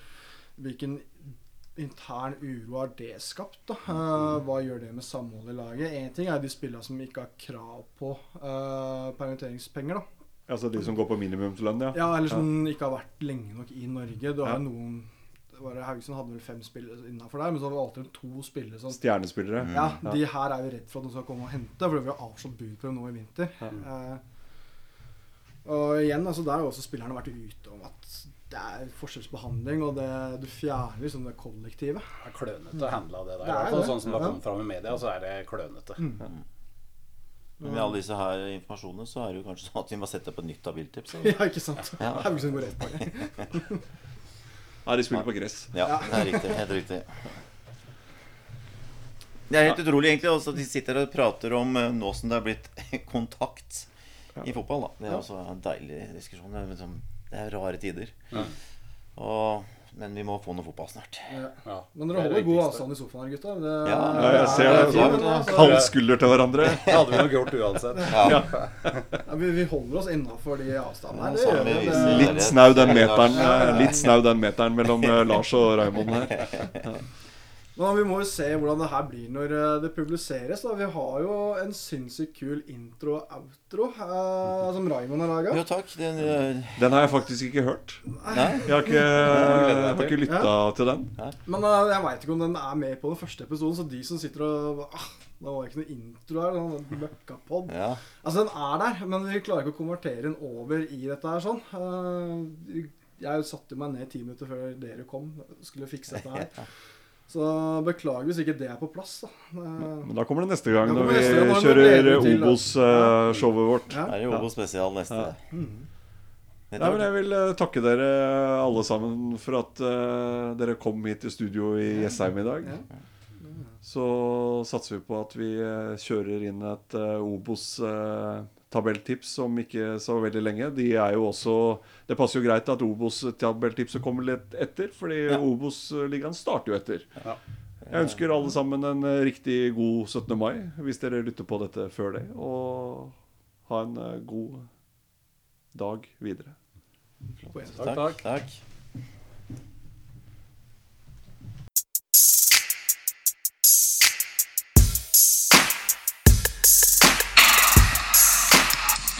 Takk. wanted to hang myself or? No.